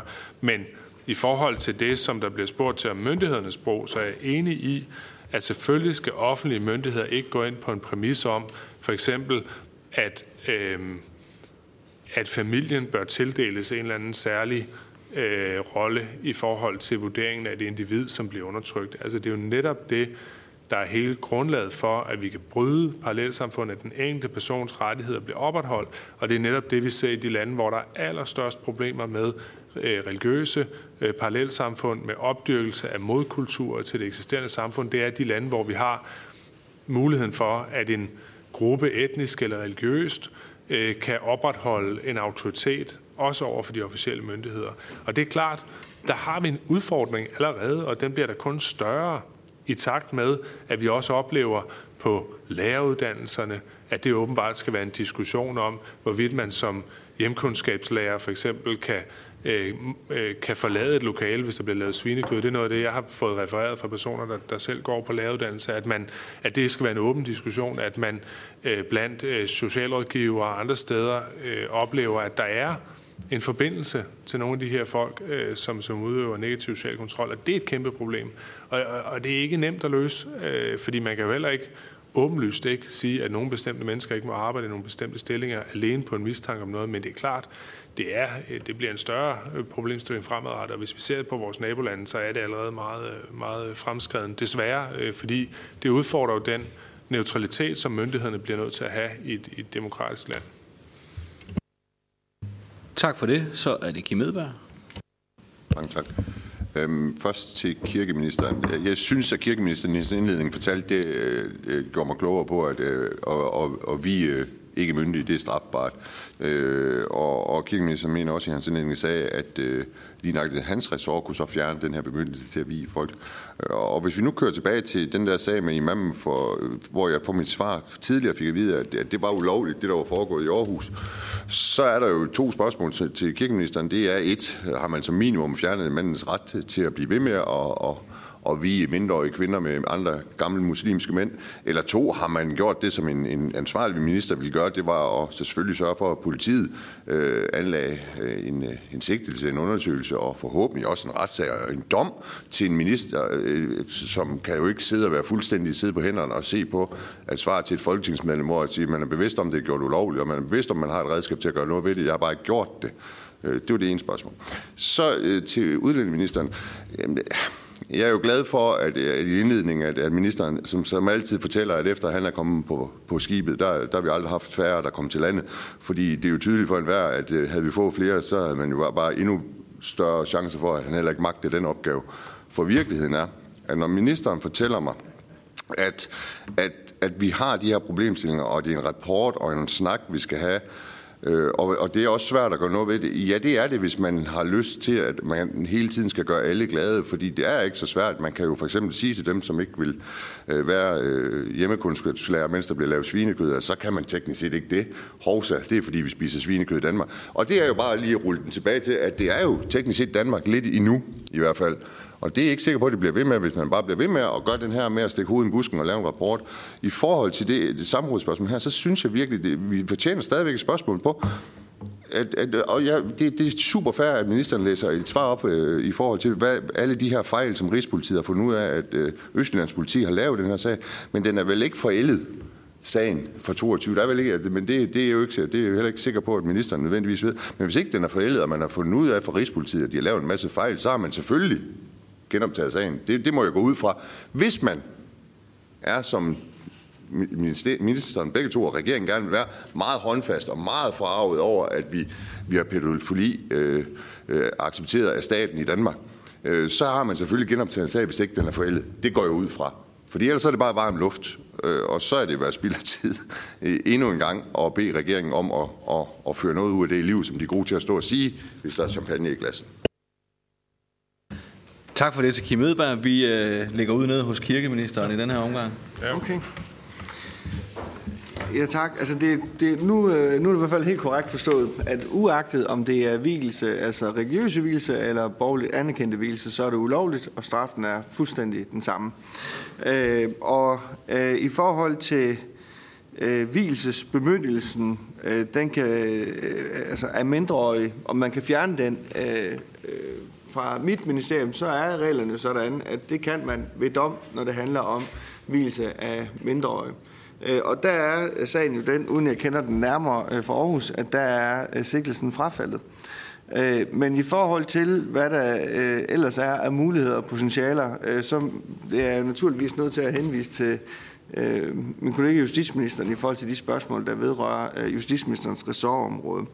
Men det ændrer ikke på, at både sagen for Aarhus øh, og andre sager, som vi hører om, som vi læser om, øh, de skal jo indgå i det arbejde, vi laver i forhold til øh, at se på øh, strammere regler for anerkendelse af trosamfund, se på strammere regler for anerkendelse af øh. Så, øh, så uanset øh, hvad øh, processen har været, udfaldet har været, så er det jo noget af det, som vi øh, kigger på i vores øh, videre arbejde.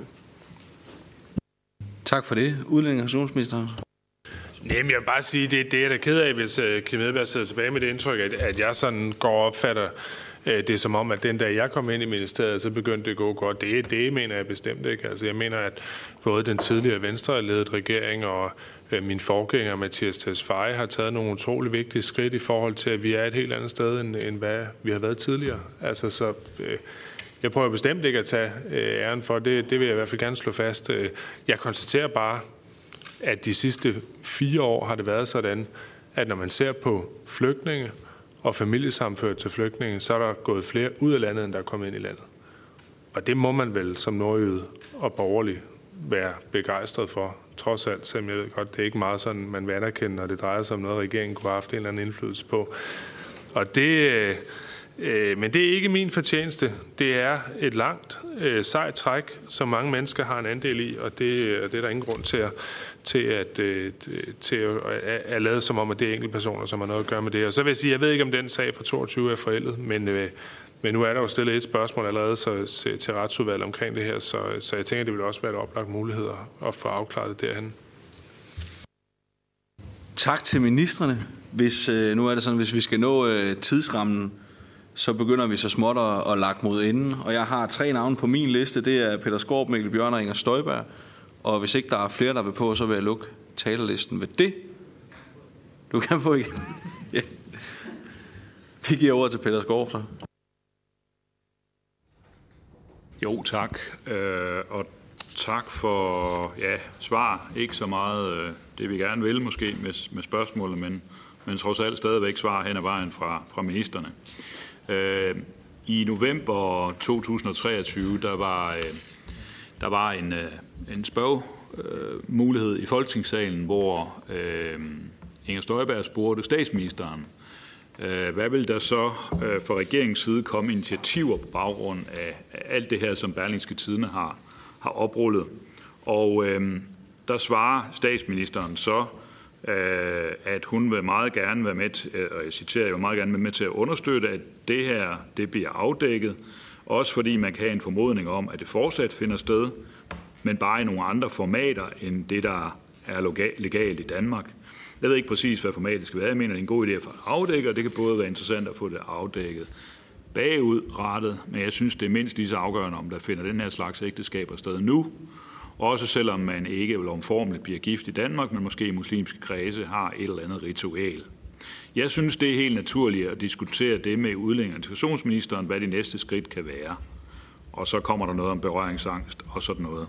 Så det vil man gerne, det vil man gerne gøre. Og så står vi jo så her i ja, snart, snart marts måned, og spørgsmålet er jo, hvad har regeringen så lavet i mellemtiden, øh, og hvornår ser vi noget fra regeringen?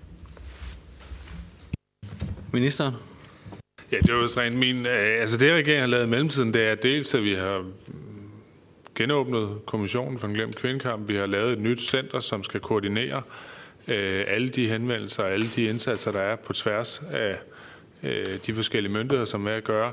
Og så har vi, øh, det står vores regeringsgrundlag, også en ambition om at tage endnu flere skridt fremad. Det er vi ikke øh, klar med endnu, men øh, det skal nok komme. Øh, og jeg tror... Øh, grundlæggende, nu ved jeg jo, der har været samråd også i Socialudvalget om den her sag, og der, øh, Øh, der ved jeg i hvert fald også, at der foregår øh, en undersøgelse, øh, fordi det er deres område, der drejer sig om hvilelser af mindreårige, uanset om det er udlændinge, der er tale om, eller, eller danskere. Så, så jeg synes ikke på nogen måde, at vi sidder på hænderne. Jeg der er hele tiden en kamp for at sikre, at kvinder og piger i Danmark kan leve det liv, de gerne vil, uagtet deres religiøse families, eller deres families religiøse værdier. Tak for det. Så er det Mikkel Bjørn. Ja, øh, tak for det. Jamen, jeg kan starte med at berolige ministeren øh, med, øh, hvad jeg synes også fremgik af min sådan indledende bemærkning omkring det beslutningsforslag, vi har stillet, at det ikke handler om at forbyde visse trosamfund, men derimod handler om at fjerne anerkendelsen, den offentlige anerkendelse af øh, det islamiske øh, trosamfund. Øh, og det er jo netop der i, hvor hvilesesbemyndigelsen ligger. Øh, og der har vi jo, der har regeringen jo, Folketinget, mulighed for hvis der kan findes flertal for det. Dansk Folkeparti bakker gerne op om, øh, om det flertal, hvis det kunne findes. Jeg tror, det er regeringen, der, der ligesom er en kæppe i hjulet på den dagsorden. Men der bakker vi meget gerne op om at fjerne to, to samfunds anerkendelsen, så de her to samfund, der ikke kan finde ud af at operere inden for øh, danske værdier, at de selvfølgelig ikke får en særlig hvilesesbemyndighed øh, givet af den danske stat til så bagefter gå ud og udøve øh, øh, hvilelse af mindreårige stik imod dansk lovgivning. Det er ikke noget, vi i Dansk Folkeparti på nogen som helst måde kan stå inden for. Det håber jeg heller ikke, regeringen kan, og derfor håber jeg selvfølgelig, at regeringen bakker op om beslutningsforslaget.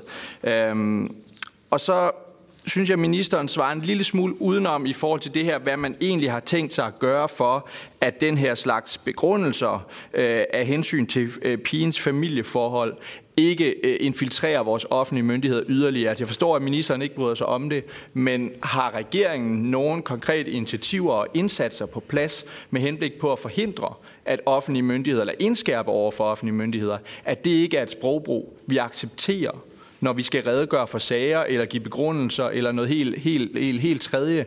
I det hele taget når vi forholder os til øh, sager øh, som myndigheder og som stat, jamen der accepterer vi ikke sprogbrug, som er udtryk for mellemøstlige øh, dogmatiske værdier om ære og familie og andre ting. Det er ikke noget, vi accepterer i vores offentlige myndigheder. Det håber jeg, at øh, regeringen er enig i.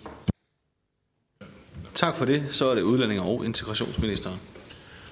Jamen først vil jeg sige, øh, i forhold til øh, øh fjernelse af anerkendelse, at, Øh, det er jo ikke noget, jeg selv sidder med, men, men, øh, men jeg vil antage, at det kræver den samme form for sådan dokumentationsmæssig grundighed, som det kræver, for eksempel når vi siger, at en prædikant må ikke komme ind i Danmark, så er det jo fordi, det skal være meget klart dokumenteret, hvad det er, vedkommende siger, som, som er øh, over grænsen, eller prædiker had imod vores samfund, hvad man nu kan forestille sig. Og på samme måde i forhold til overførsel af penge. Altså, uanset hvad, øh, så skal der selvfølgelig være Øh, nogle meget klare regler for, hvornår vil man i så fald ikke kunne få øh, anerkendelse, og, øh, og der vil skulle, så skulle være en sag for hver enkelt af dem. Øh, og det, det ved jeg ikke, om nu må vi se, hvordan det beslutningsforslag er, er udformet, om, om det kan rummes øh, inden for det, men, men intentionen om at sige, at at hvis man ikke øh, spiller inden for reglerne af vores samfund, altså ikke øh, hvis man grundlæggende ønsker et religiøst diktatur, øh, så er der jo ingen grund til, at vi render øh, og giver folk en masse fordele. Det, det er jeg fuldstændig enig i. Og så i forhold til sprogbruget, altså, det kan godt være, at jeg måske også har været, øh, ikke har tænkt det grundigt nok igennem. Altså, jeg, jeg havde taget det som, altså som en selvfølge, at man som offentlig myndighed ikke øh, bruger den type af begrundelser for at øh, øh, forklare, øh, at, at, øh, at nogen er blevet udsat for en forbrydelse. Øh, men jeg tror, jeg vil prøve at gå tilbage og se på, hvad jeg har øh, af muligheder på det område. Jeg synes, det, er en meget relevant øh, diskussion at prøve at åbne. Tak for det. Så er det Inger Støjberg. Ja, tak. Altså nu siger ministeren, at han ikke vil tage øh, æren for, for alt, hvad der sker på udlændingområdet, men sådan i en snæver vending, der virker det nu ikke, som om ministeren er ked af at tage æren for det. Lad mig bare lige konkludere det sådan stille og roligt. Øh, når det er sagt, øh, så kunne jeg, altså, jeg tror godt, vi kan være enige om, at, øh, at lovgivningen ikke virker på det her område, fordi ellers så vil man jo ikke se en sag som den i, øh, i Aarhus. Øh, og, og det afføder så nogle andre spørgsmål, altså for eksempel om øh, det kan være den ene eller den anden minister kan sige, om, øh, om der er nogle imamer, der er blevet dømt øh, for at forestå øh, af mindreårige. Øh, og hvis, hvis det ikke er, er tilfældet, altså er det noget, man, man undersøger, eller vil man undersøge det øh, efter alt det her? Øh, og det er jo altså også sådan, at i lovgivningen, der øh, er der også en mulighed for at straffe ægtemanden, som indgår et, øh, et ægteskab med en øh, mindreårig. Øh, ligesådan som det jo også er muligt at straffe øh, mindreåriges forældre. Øh, og derfor vil jeg gerne høre, om øh, der er øh, nogle sigtelser eller eventuelt domfældelser det sidste er nok ikke tilfældet, fordi så jeg næsten tro, at vi havde hørt om det, men der, om der ligger nogle sigtelser. Øh, og øh, om, øh, om nogle af ministerne har kendskab til sager, hvor øh, imamer altså de steder er blevet øh, udvist af Danmark, fordi at de har øh, forbrudt sig mod deres øh, hvilesesmyndighed øh, efter lovændringen i 2021. Øhm, og jeg vil selvfølgelig allerhelst have øh, svaret her i dag, men jeg er også med på, at, øh, at det nok vil, at det ikke er helt sikkert, at jeg kan få det svar her i dag. Så går jeg ud fra, at det bliver sendt øh, skriftligt øh, over øh, efterfølgende, fordi mit indtryk er nemlig ikke, at ministerne, øh, at nogen af ministerne har fulgt op på ret meget, men bare har øh, altså fået vedtaget en lov, og så tænkt, så kører det. Øh, og det, det gør det så ikke, kan vi jo konstatere. Øh, Øh, og så til sidst egentlig en opfølgning på, på Peter Skorps spørgsmål. Altså, statsministeren siger øh, for efterhånden mange måneder siden, at nu skal der ske noget.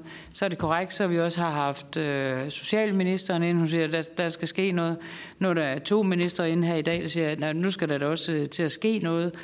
Altså, jeg ved ikke, er det for meget og for langt, øh, at der er nogen, der siger noget om, hvornår der skal ske noget? Øh, og jeg er med på, at øh, statsministeren siger, at hun, hun vil tage en, en snak med udlænding- og integrationsministeren. Jeg er også med på, at statsministeren er ikke meget hjemme i den her tid. Men det kunne jo være, at telefonen også var opfundet, så at man kunne tage en snak. Men sådan er det jo. Jobsøgning kan jo fylde meget i ens liv, men jeg synes måske nok, at pigerne her burde fylde mere i, i statsministerens liv. Så er det for meget for langt? Vi har indkaldt til samråd om, hvornår der kommer til at ske noget, at vi også får et svar på, hvornår der kommer til at ske noget. Jeg synes ikke, det er for meget for langt. Tak for det. Så er det udlænding og integrationsministeren. Jamen først vil jeg sige, at jeg, øh, jeg er glad for, at vi har så lave asyltal til Danmark, som vi har. Det gør, at de her problemer bliver mindre. Skulle man ikke sige det?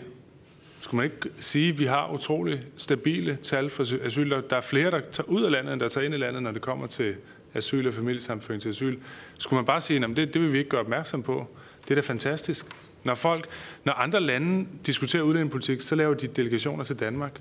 Ligesom når folk tager til Holland for at kigge på ældrepolitik, så tager folk til Danmark for at kigge på udlændingepolitik, så kommer der folk fra en række europæiske lande, alle vores nabolande, for at sige, hvordan er det, de gør det i Danmark. Og det der, det, jeg, jeg har da ikke noget problem med at sige, at det der, det er da ikke først og fremmest min fortjeneste overhovedet ikke. Jeg har siddet her i under to år. Det er da alle dem, der er kommet forud. Og det synes jeg, er fremragende. Det skal vi da være glade for. Det havde da været meget værre, hvis det var omvendt. Altså jeg havde da synes, det var tavle, at skulle sidde og sige, øh, om det er frygteligt noget. Vi har, øh, vi får alt for mange ind, men det er så i øvrigt min forgængers skyld. Så synes jeg, at det er rart at sige, at der er styr på det, og det er min forgængers fortjeneste. Det er da fantastisk som minister at få lov til. Så, så det synes jeg, det, det, det er der slet ingen grund til at gå og mukke sådan over, som, som Kim Medberg og Jens Støjberg gør. Der er grund til at være glad for, at, at situationen er så stabil, øh, som den er. Og så vil jeg sige det her med, at nu skal der ske noget. Altså, jeg har jo også siddet til samråd, hvor Inger Støjberg var minister. Jeg kan huske blandt andet i 2016, da jeg blev udnævnt til boligordfører, der spurgte vi til, hvad skulle der ske med parallelsamfundene? Og så sagde fru Inger Støjberg, det er lige på vej. Det er lige om lidt, er det på vej. Og så gik der vel to og et halvt år eller sådan noget, før det kom. Og så blev der spurgt til os på samråd med fru Inger Støjberg, hvad skete der med denne her, det her såkaldte paradigmeskifte? Det var også lige på vej.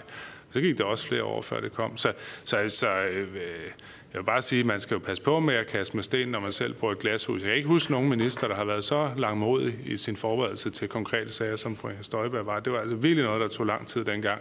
Og nu kan jeg se, at Peter Skorp sidder og smiler. Det er måske ikke øh, karrierefremmende, fordi at, øh, jeg tror, han smiler, fordi at han godt ved, at det var tilfældet, og selv var utilfreds med det dengang. Men, men nu er situationen så en anden, når man når man skifter osv. Det skal jeg ikke gå ned i.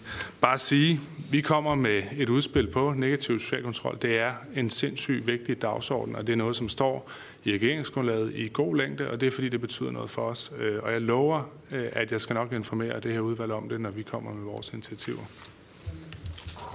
Tak for det. Så er det kirkeministeren. Tak for det.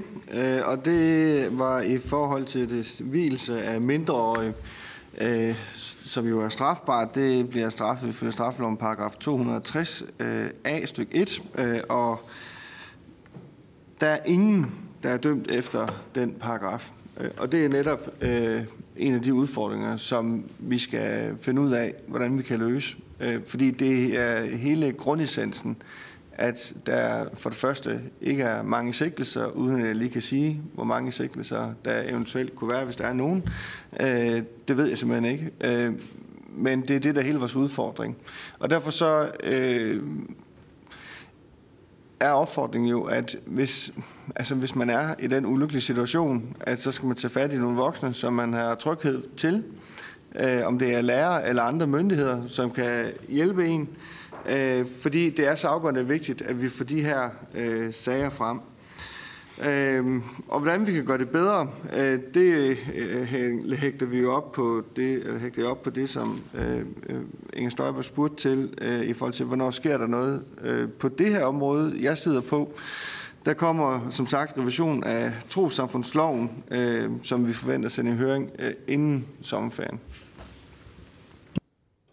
Tak til ministerne. Så nåede vi igennem øh, spørgerækken, og så vil jeg høre, om spørgerne har lyst til at runde samrådet af. Det vil Inger Støjberg gerne. Ja, altså, det er jo sjældent, at man går mindre oplyst ud fra et møde, end man går ind i et møde, men det er da lige før, at jeg er ved at være der i dag. Øh, det, det tager altså øh, nye højder øh, med den her regering. Øh, nu siger ministeren så, at folk de valgfarter til Danmark for at få gode råd. Jeg håber ikke, at der er mange muslimer, der valgfarter til Aarhus for at få at vide, hvordan de kan blive gift øh, med mindreårige. Men det er der jo noget, der tyder på. Øh, by- og kirkeministeren siger, at, øh, at man at det er vigtigt, at man har nogle voksne, man kan tage fat på, som man har tillid til. Altså, det hjælper ikke meget, hvis lærerne deltager i brylluppet, og politiet henlægger sagen. Det er jo det, der er sagen med det her.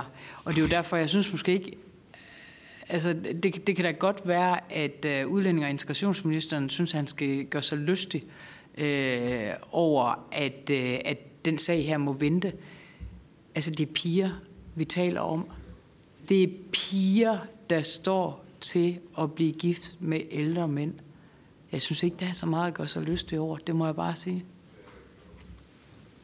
Og så kan jeg jo godt sige, jeg tror, man må forvente et samråd mere. Men altså efterhånden, så vi skal jo til at hele regeringen indkaldt, fordi man sidder jo bare og skyder bolden frem og tilbage. Nå, det er så socialministeren, så er det justitsministeren, og så, så er det en, der er på barsel, og så er det, når statsministeren hun er ikke hjemme, og at man kan ikke rigtig...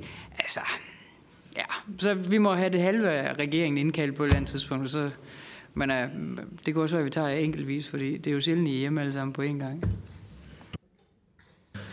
Tak for det til, til Inger Støjberg. Tak til spørgerne og tak til ministerne. Så er samrådet slut.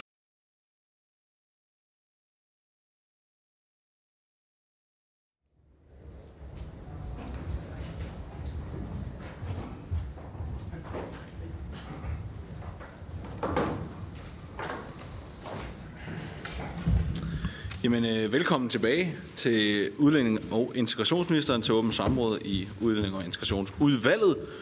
Samrådsspørgsmålet det er stillet efter øh, ønske fra Mikkel Bjørn, der er afsat en time til samrådet, og jeg giver nu ordet til spørgeren for at motivere spørgsmålet.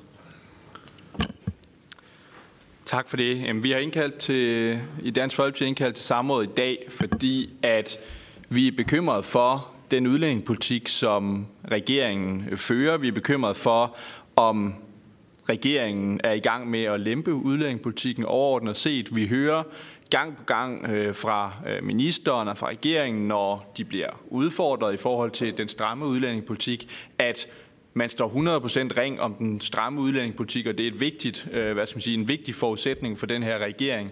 Men med den anden hånd lemper man alligevel igen og igen forskellige øh, krav. Øh, senest i forhold til øh, studieophold, hvor man lemper, fra, øh, lemper for folk fra øh, fjerne afegne af, af verden.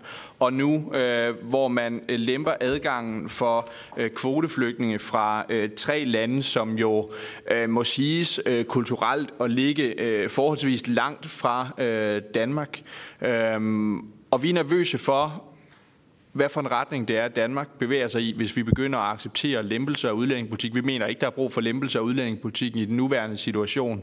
Vi har efter vores overbevisning allerede rigeligt og omfattende integrationsudfordringer i det danske samfund, og vi har ikke brug for at forøge i forvejen, allerede i forvejen øh, store problemer ved at, at, at tage flere mennesker hertil. Øhm, og derfor har vi indkaldt ministeren i samråd i dag for at redegøre for, hvordan regeringens beslutning om at tage imod 200 øh, kvoteflygtninge fra henholdsvis Øh, Rwanda, Eritrea og Afghanistan øh, i 2023 stemmer overens med Danmarks øh, nuværende integrationsudfordringer, især set i lyset af de cirka 2.200 asylansøgninger og familiesammenføringer, der er registreret per 14. november 2023.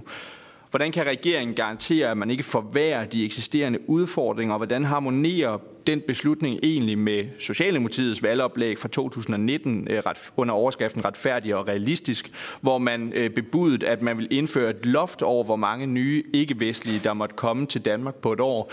Et øh, løfte, øh, som siden er øh, forduftet ud i intetheden og ikke er blevet til noget øh, konkret overhovedet. Øh, det er vi lidt nysgerrige på. Så tak til ministeren for at møde op, og vi ser frem til redegørelsen. Tak for det. Så giver jeg ordet til ministeren for en, en besvarelse. Tak for det. Tak for øh, spørgsmålet her. Øh, først så vil jeg sige, at øh, vi i regeringen bakker op om kvoteflygtningssystemet.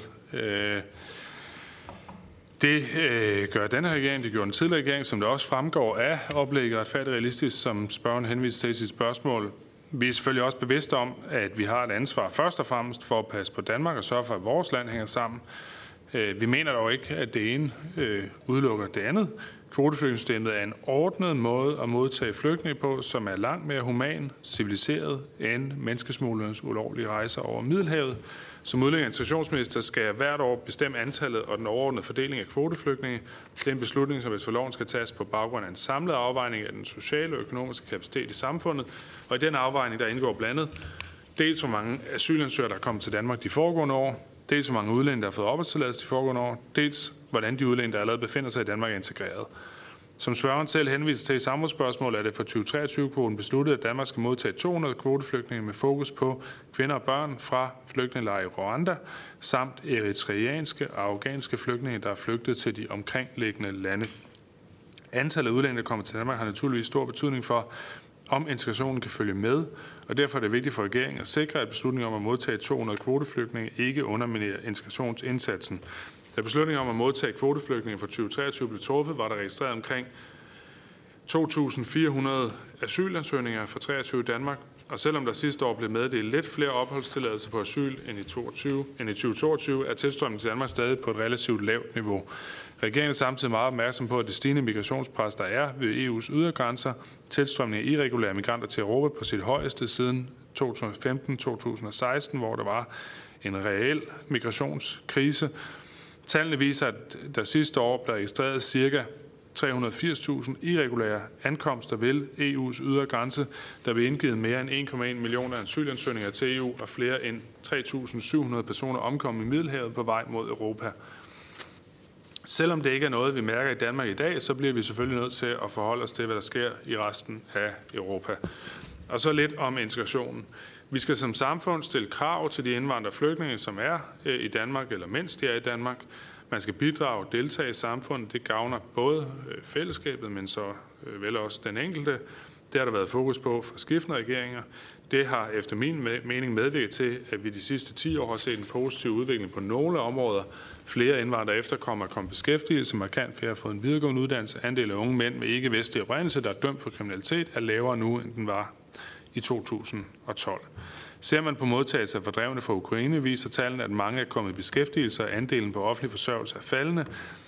Det må selvfølgelig ikke betyde, at vi glemmer de væsentlige udfordringer, der stadig eksisterer på integrationsområdet. Der er fortsat behov for, at særligt flere ikke-vestlige kvinder kommer i job. Derfor indfører regeringen nu en arbejdspligt. Jeg synes også, det er vigtigt at påpege, at uddannelse og arbejde ikke automatisk leder til vellykket integration. Det er helt afgørende, at alle respekterer vores grundlæggende værdier om frihed, demokrati og ligestilling mellem kønnene, og det halter efter min mening på nogle områder. Der findes mørke lommer i det danske samfund, hvor der udøves negativ social kontrol, og det er noget, regeringen vil have fokus øh, på fremadrettet, som det også fremgik af det seneste samråd. Men når vi gør regnebrættet op og tager højde for, at der de seneste 10 år har været en positiv udvikling, særligt inden for uddannelse og beskæftigelse, så vil jeg altså vurdere, at regeringen af 200 kvoteflygtninge en rette balance. Og som endelig med at sige, så bakker regeringen op om et flygtningesystem gennem kvotesystemet, men Danmark skal samtidig bidrage til, at årsagerne til migration og flygtningestrøm bekæmpes. Derfor arbejder regeringen på at skabe et nyt europæisk asylsystem i samarbejde med EU og de øvrige medlemsstater. For mig ser der behov for nye løsninger for at bekæmpe irregulær migration og bryde menneskesmuglernes kyniske milliardindustri, der koster tusindvis af mennesker livet. Det skal være op til de nationale regeringer at beslutte, altså demokratisk valgte nationale regeringer at beslutte, hvor mange flygtninge man vil tage imod, eksempelvis gennem kvotesystemet, hvor flygtninge kommer til Europa på kontrolleret vis og uden menneskesmuglernes indblanding. Det kan selvfølgelig kun ske, hvis man laver aftaler med tredje lande uden for Europa, og først der får vi kontrol over migrationen reelt. Tak for ordet. Tak til ministeren, og inden vi går til spørgerunderne, så får spørgeren mulighed for to runder med opfølgende spørgsmål. Så værsgo Mikkel Bjørn. Jamen tak for det. Øh, jeg er nysgerrig på, hvad det er, der giver anledning til, at regeringen og ministeren synes, at det på nogen som, helst måde er hensigtsmæssigt at hente kvoteflygtninge til Danmark i øjeblikket. Hvorfor er det, ministeren mener, at vi skal hente kvoteflygtninge til Danmark? Hvad er det for hensyn, der vægter for ministeren i forhold til den beslutning? Fordi der er ingen tvivl om, i Dansk Folkeparti, der er vi mere optaget af danskernes tryghed og sikkerhed og velstand i deres eget land. Og det er ikke en udvikling som det at tage kvoteflygtninge fra Eritrea eller Afghanistan eller andre tredje verdens lande øh, på nogen som helst måde vil afhjælpe. Så jeg er bare nysgerrig på, hvorfor ministeren mener, at et eller andet moralsk hensyn øh, i forhold til at tage kvoteflygtninge, hvad det er for et hensyn, og hvorfor det vægter tungere end hensynet til danskernes tryghed, sikkerhed og velstand, øh, det at minimere terrorrisikoen og kriminaliteten osv. osv. helt generelt. Hvorfor vægter det hensyn tungere? Øh, ministeren nævner øh, ukrainer, og de er kommet godt i beskæftigelse og sådan noget. Jamen, hvorfor i alverden nævner han det, når det her samråd ikke handler om ukrainer? Altså, det giver jo ingen som helst mening. Øh, jeg er ret overbevist om, altså bare, hvis man skulle nævne en, en gruppe, som er en anden gruppe end det samrådet handler om, så kunne jeg nævne efterkommere fra Somalia, der har et indeks for voldsforbrydelse på 587, det vil sige en overhyppighed på 487 procent. Jeg ved ikke, hvad overhyppigheden helt præcis er for folk fra Eritrea, men den er også ret høj, mig bekendt for folk fra øh, Afghanistan, øh, og sandsynligvis også fra Rwanda. Så det, det er der, hvor jeg synes, det bliver lidt øh, noget nonsens lad, lad os tale om de konkrete taler. Hvis ministeren har nogen med for, for de grupper, der er tale om, så vil det da være øh, glimrende. Men, men, men det er ikke noget, vi i Dansk Folkeparti synes er fornuftigt på nogen som helst måde i den nuværende situation. Så det vil jeg godt bede ministeren om at svare på. Tak til Mikkel Bjørn. Så vil jeg give ordet til ministeren for besvarelse. Ja, tak for det. Øhm, jeg tror på, at Danmark skal tage imod et vist antal øh, flygtninge fra øh, krig. Øh, det synes jeg er en forpligtelse, vi har. Det kan være, at jeg er uenig med Dansk Folkeparti øh, på det område, men øh, det mener jeg er en opgave som et meget veludviklet land. Jeg mener, at det skal foregå på en måde, hvor vi hjælper øh, de steder, hvor at folk har allermest behov for beskyttelse, i stedet for at vi hjælper dem, som har øh, de ressourcer, der trods alt kræver at betale menneskesmugler for at komme til Europa. Derfor så er øh, flygtninge fra eksempelvis øh, det centrale Afrika, øh, Rwanda, øh, en mulighed, som vi nu i flere år har, har taget imod. Øh, nu kan jeg ikke tallene helt præsent. Det, det, der er en, en fremragende øh, udgivelse, der hedder Udlænding i Danmark, som øh, Danmarks Statistik udgiver. Der kan man se øh, de specifikke tal for de enkelte lande, men generelt set er det jo sådan, at øh, lande for eksempel omkring Rwanda, altså dem, der er i flygtningelejr i Rwanda, er jo ikke fra Rwanda, de er jo typisk fra øh, Kongo eller Burundi.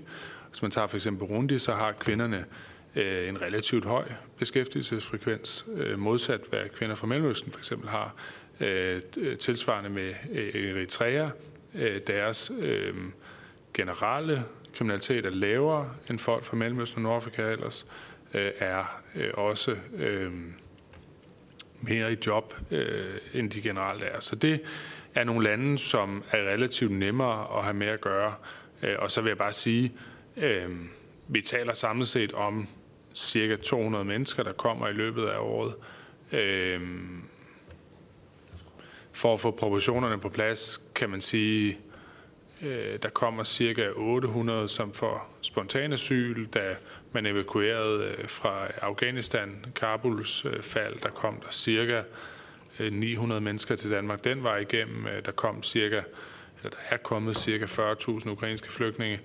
Øh, så det at sige 200 flygtninge i løbet af et år, det, det synes jeg egentlig godt, vi kan håndtere. Altså hvis man tager hr. Mikkel Bjørns kommune øh, og formanden for udvalgets kommune, Nyborg, øh, så svarer det til, at Nyborg Kommune skal have cirka en øh, flygtning. Øh, det, det er vel dog håndterbart i Nyborg at integrere en enkelt person.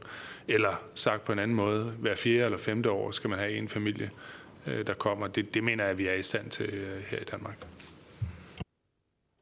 Tak til ministeren. Det er jo altid godt med fremhævelse af, af gode fynske kommuner. Det sætter vi pris på i formandstolen. Mikkel Bjørn for anden runde af, af opfølgende. Tak for det. Øh, nu er det jo desværre ikke kun en enkelt øh, person rundt i kommunerne. For man, først og fremmest så er der jo allerede mange mennesker i forvejen. Dernæst så er udfordringen jo, at mange af de her mennesker ofte ender med at ophobe sig i enkelte kommuner. Øh, og derfor forestille sig, at, at det er egentlig hver kommune. Øh, det er nok en, en kende øh, naivt øh, erfaringerne taget i, i mente. Øh, og så er det jo grundlæggende sådan for os i Dansk Folkeparti, at det er vigtigt for os, at Danmark i fremtiden ikke er et relativt mere utrygt, mere usikkert, mindre velstående land, end det ville have været, hvis vi har ført en anden udlændingepolitik, nærmere bestemt den, som Dansk Folkeparti ønsker at, at føre.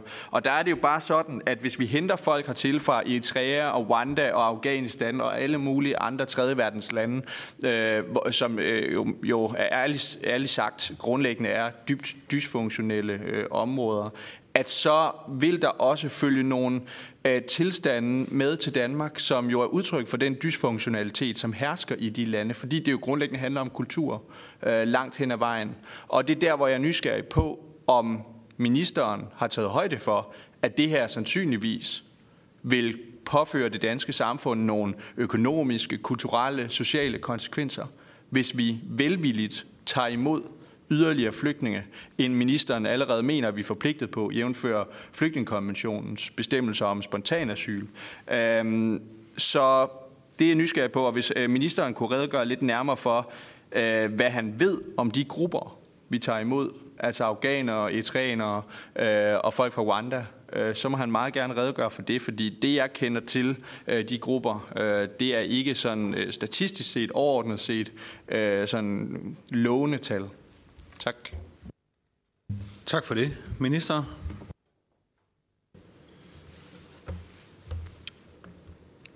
Det er rigtigt, at Nyborg Kommune tager imod en.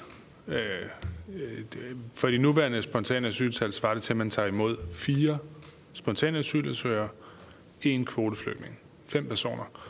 Øh, jeg tror nok, der findes en enkelt familie i Langeskov, eller Ørbæk, eller nogle af de andre dejlige byer, som er i, i Nyborg Kommune, som er klar til at tage imod og, og hjælpe med at integrere den, den gruppe med fem mennesker, som så kommer øh, til Nyborg tilsvarende. Hvis det var Holbæk Kommune, så var det måske 10 mennesker eller 12 mennesker, som kan spredes ud over en række lokalsamfund, øh, som godt kan håndtere det. Øh, og jeg vil sige generelt set bagudrettet, hmm, og nu bevæger jeg mig ud i, hvad jeg mener sådan generelt, øh, og, og for de ting, jeg kan huske i hovedet, så har de kvoteflygtningegrupper, der har været jo en væsentlig bedre øh, historik i Danmark end eksempelvis flygtninge fra Mellemøsten og Nordafrika. Altså bømesiske kvoteflygtninge, der arbejder på, på slagteriet på Bornholm, eller andre grupper af øh, vietnamesiske flygtninge, og hvad man har fået. Øh, det, det har generelt gået øh, fornuftigt. Øh, jeg kender ikke, altså som jeg også sagde tidligere, så tager man jo folk fra Rwanda, men det er ikke nødvendigvis, øh, det er jo ikke rwandanesere, fordi Rwanda er jo ikke et land, hvor folk er på flugt fra. Det er jo typisk folk, der kommer ind fra Kongo, altså det store naboland, eller fra øh, Burundi, som er et lidt mindre land, der ligger syd for. Og der er altså de her cirka 125.000 mennesker i Rwanda, som, er, som bor i flygtningelejre. Men når man ser på kvinder fra Afrika syd for Sahara, så har de en beskæftigelsesfrekvens i Danmark, som er ganske fornuftig. Altså, det er slet ikke ligesom fra Mellemøsten og Nordafrika. Der er, øh, nu kan jeg ikke huske de specifikke tal, men man kan se i den her publikation Udlænding i Danmark, øh, at for eksempel kvinder fra Ghana, kvinder fra Burundi, de har altså en helt anden historik øh, på, på vores arbejdsmarked end, øh, end kvinder, som kommer fra eksempelvis Syrien. Så, så, så man, selvfølgelig er der kæmpe kulturforskel på at bo i Burundi og bo i Danmark. Det, det skal vi jo ikke lade som om, øh, at der ikke er. Det er der jo også mellem at være ukrainer og være dansker. Altså det, nu er det jo ikke Norge, der er i krig, altså, så vi kan jo ikke få nogen, der, der minder øh, næsten om os, øh, trods alt og heldigvis. Øhm, så det vil være folk, der er forskellige for os, men for mig se handler det om, at vi ikke øh, tager flere, end vi kan håndtere, og at vi ikke tager dem fra lande, som vi specifikt har meget dårlige erfaringer med. Det mener jeg ikke, at Eritrea og Rwanda er. Tak til ministeren. Så går vi videre til spørgerunden blandt udvalgets øvrige medlemmer også. Og øh, jeg tager en enkelt gang, ligesom ved det sidste samråd, og starter med Peter Skov. Ministeren, øh, tak til ministeren for at møde frem. Ministeren nævner, at øh, der er gode erfaringer med folk, der kommer fra, fra Rwanda og Eritrea ministeren er ikke så meget inde på Afghanistan. Øh, os, der beskæftiger os en del med det her område, ved jo godt, at, at der er en del fra Afghanistan, der, der har lavet kriminalitet, øh, specielt narkotikakriminalitet, øh, ved vi. Øh, det er jo også sådan, at, øh, at måske modsat Rwanda, øh, og måske i Eritrea, kan vi ikke sende folk tilbage på samme måde til Afghanistan på grund af, af det styre, der er. Så der, der er jo nogle udfordringer her. Øh, er ministeren ikke bange for, at, at det ministeren går og siger, nemlig at vi har en stram udlændingepolitik, og vi modtager få asylsøgere, forholdsvis få bliver familiesamført. Det er noget, ministeren siger, og det, det synes vi jo er positivt i Danmarksdemokraterne. Er man ikke bange for i virkeligheden at komme til at, at gå den forkerte vej så, når man nu øh, er ejendrift tager fat i folk fra Rwanda og Eritrea, og, øh, altså Afghanistan her, og, og direkte inviterer dem til Danmark. Og til synligheden har for, tænkt sig at fortsætte med det.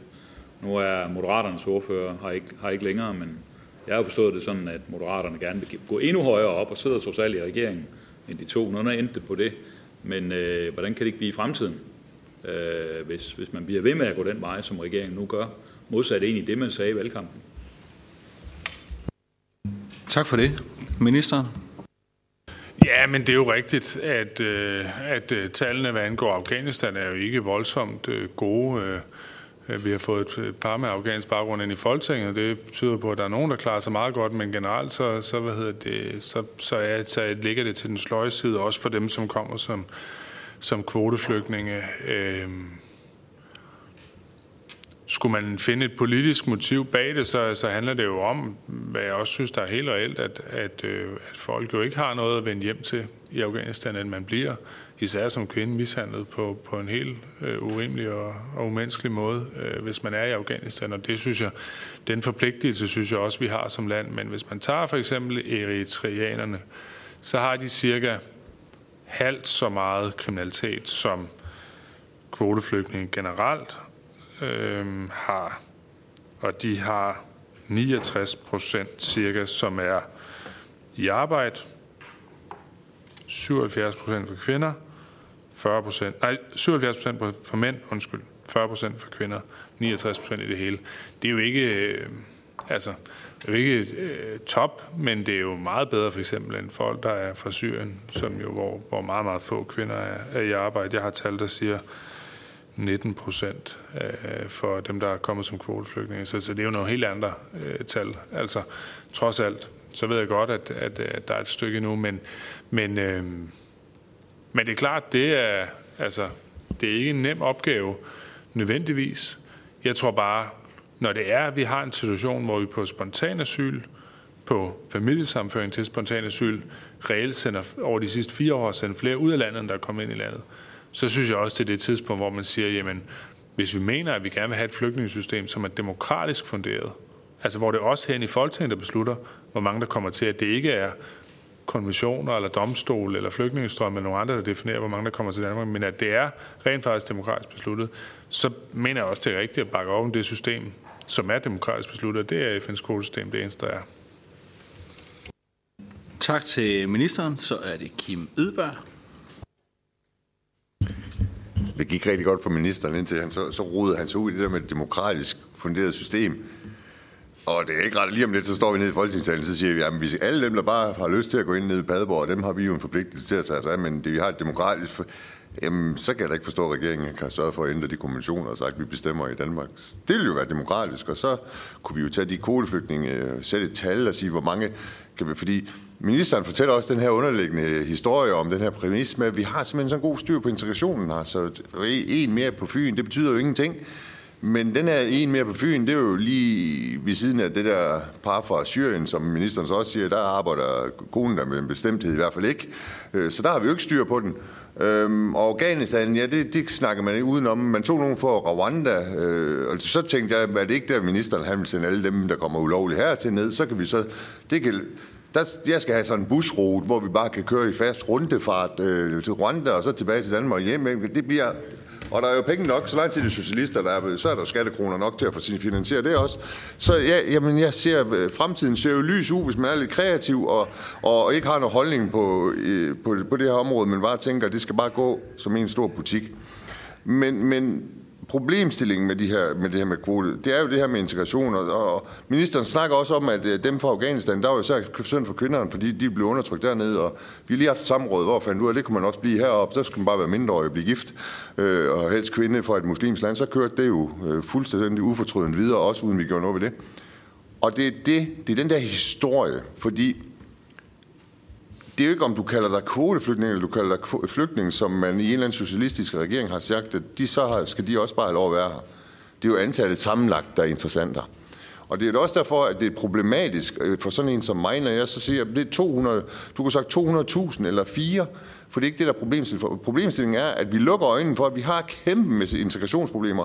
Der er palæstinenser ude, der råber det ene og det andet. Jeg er jo dybt chokeret som nordjyd over at skal møde et Danmark, der ser sådan ud, når jeg kommer over. Det har jeg sagt tidligere. Og så skal vi lade være med at stikke hinanden blå i øjnene og sige, at vi har styr på integrationen. Det har vi ikke.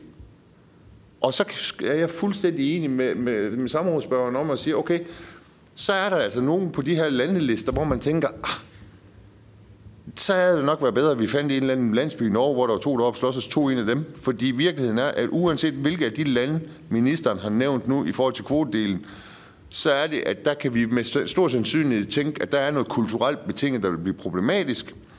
Øh, og jeg er enig med dem. Øh, der er sikkert øh, afrikanske kvinder, som, og det er jo også, man bider færdig. Ministeren er jo dygtig til at huske at sige de rigtige ting. Så han sagde, at kvinderne fra Burundi, de var i hvert fald, de havde en god arbejdsindsats. Øh, og det kunne bare være sådan for, ligesom ekstra spørgsmål til, om ministeren så vidste, hvordan, hvad så med de mænd fra Burundi? Har de samme øh, gode arbejdsmoral? Eller er det, som vi så ved, igen noget med kultur, at vi ser rigtig mange, mange afrikanske lande, der har kvinderne en super høj arbejdsmoral, og mændene not so much. Altså, og, og, det er jo, øh, og det er jo det, der er problemstillingen her. Og, og det, så synes jeg, ministeren, for jeg har stor respekt for ministeren, han mener det vel. Jeg synes ikke, der sker noget, og jeg synes, det bliver sådan en rundesnakker.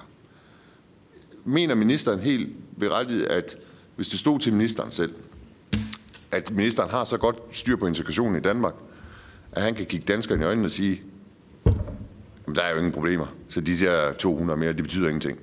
Fordi det er jo det, ministeren siger, og det er det, regeringen siger, når vi åbner for kvoteflygtninge, det er, der er ikke større problemer, end vi kan håndtere dem. Og der bliver jeg bare nødt til at være uenig. Jeg synes ikke, vi håndterer dem, og jeg synes ikke, vi gør det godt nok. Øh, og, og så er der så i forhold til, hvordan jeg vil håndhæve det. Men, men vil ministeren ikke fortælle mig, at, eller give mig ret i, at 200 mere, det er 200 mere, oven i et problem, som ministeren i forvejen ikke har styr på. Tak til Kim Edberg, ministeren for en besvarelse. Ja, jo mere jeg hørt Kim Edberg, jo mere ked af, jeg bliver ikke, han ikke søgte øh, optagelse ind i vores folketingsgruppe, fordi jeg synes, at Sabotagnen, hvor kedelige indlæggene er derinde, så ville det være dejligt at have Kim siddende, men, men det må jeg så gå glip af. Så må jeg komme til nogle samråd i stedet og, og, og få min dosis. Men, øh, men øh, jeg synes ikke, der er styr på integration i Danmark samlet set. Ikke i den forstand, at der ikke at ikke for, folk kommer jo arbejde, folk får en uddannelse, og faciliteten for ikke-vestlige er jo endda lavere nu, end den er for danske kvinder. Så det er jo ikke, fordi der er en eller anden... Man tilpasser sig jo, men der er jo mange, som alligevel holder fast i de der gamle forestillinger fra hjemlandet. Ikke? Og så det, at de får en uddannelse, det gør i virkeligheden, at de bliver endnu dygtigere til at forsvare et eller andet skørt synspunkt om, hvordan samfundet skal indrette sig. Det var jo ikke meningen. Meningen var, at de skulle, blive, de skulle begynde at synge højskolesangbogen, og sådan, når de havde været inde og fået en uddannelse. Men det gjorde de altså ikke. De, de læste bare endnu flere koranvers, nogle af dem. Og det er jo et problem for os, som, som øh, som har været fraværende i, i de 40 års øh, udlændingehistorie, som, som sådan er det væsentlige i Danmarks historie. Altså, øh, og der vil jeg bare sige, det er, det mener jeg sådan set også er mange borgerlige. Der var mange, der i, jeg kan det huske i nullerne, da jeg gik i gymnasiet, der var mange, der sagde, at hvis bare man satte kontanthjælp ned, så ville folk blive integreret. Det var ligesom i USA, men det ved vi jo godt i dag, det var noget værre sludder.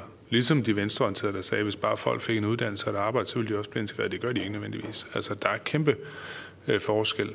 Men når jeg kan stå til ansvar for at tage de her 200, først frem, så har de jo været fra Rwanda, nu er det så lidt mere blandet, så er det jo også fordi, at jeg ikke ser nogen øh, parallelsamfund af folk fra Rwanda eller Burundi eller Kongo, som tvangsskifter deres døtre. Øh, der er ikke nogen øh, loyal to familia fra Rwanda. Øh, det er ikke dem, som jeg ser udgør integrationsproblemet i Danmark, og det synes jeg er en forskel. Altså, øh, og jeg synes, vi har et ansvar som land for at hjælpe nogle af dem, der har det svært, når vi har flere, der rejser ud af landet, end som kommer ind, når vi ser på flygtninge og familiesamført til flygtninge hen over de sidste fire år, så synes jeg, det er fair nok at sige, okay, nu er vi et sted, hvor også nogle af dem, der sidder i sådan en lejr et sted, og som måske minder mere om os, end så mange andre, at dem kan vi, at dem kan vi få til landet, og så øh, kan de få, for de kan ikke vende hjem der, hvor, øh, hvor de kommer fra, så har de mulighed for at få et liv her, og det betyder så, at man i Nyborg skal have en, og at man i Odense skal have ja, hvor meget det så bliver, måske en 7-8 stykker, eller hvor meget det bliver. Ikke? Altså det, det, det, det kan man godt i løbet af et år. Man kan godt finde en enkelt eller to lejligheder i Odense, som, som, øh, som er til øh, folk fra, øh, fra Rwanda eller Eritrea og andre lande. Tak til ministeren. Så har jeg Mikkel Bjørn på listen.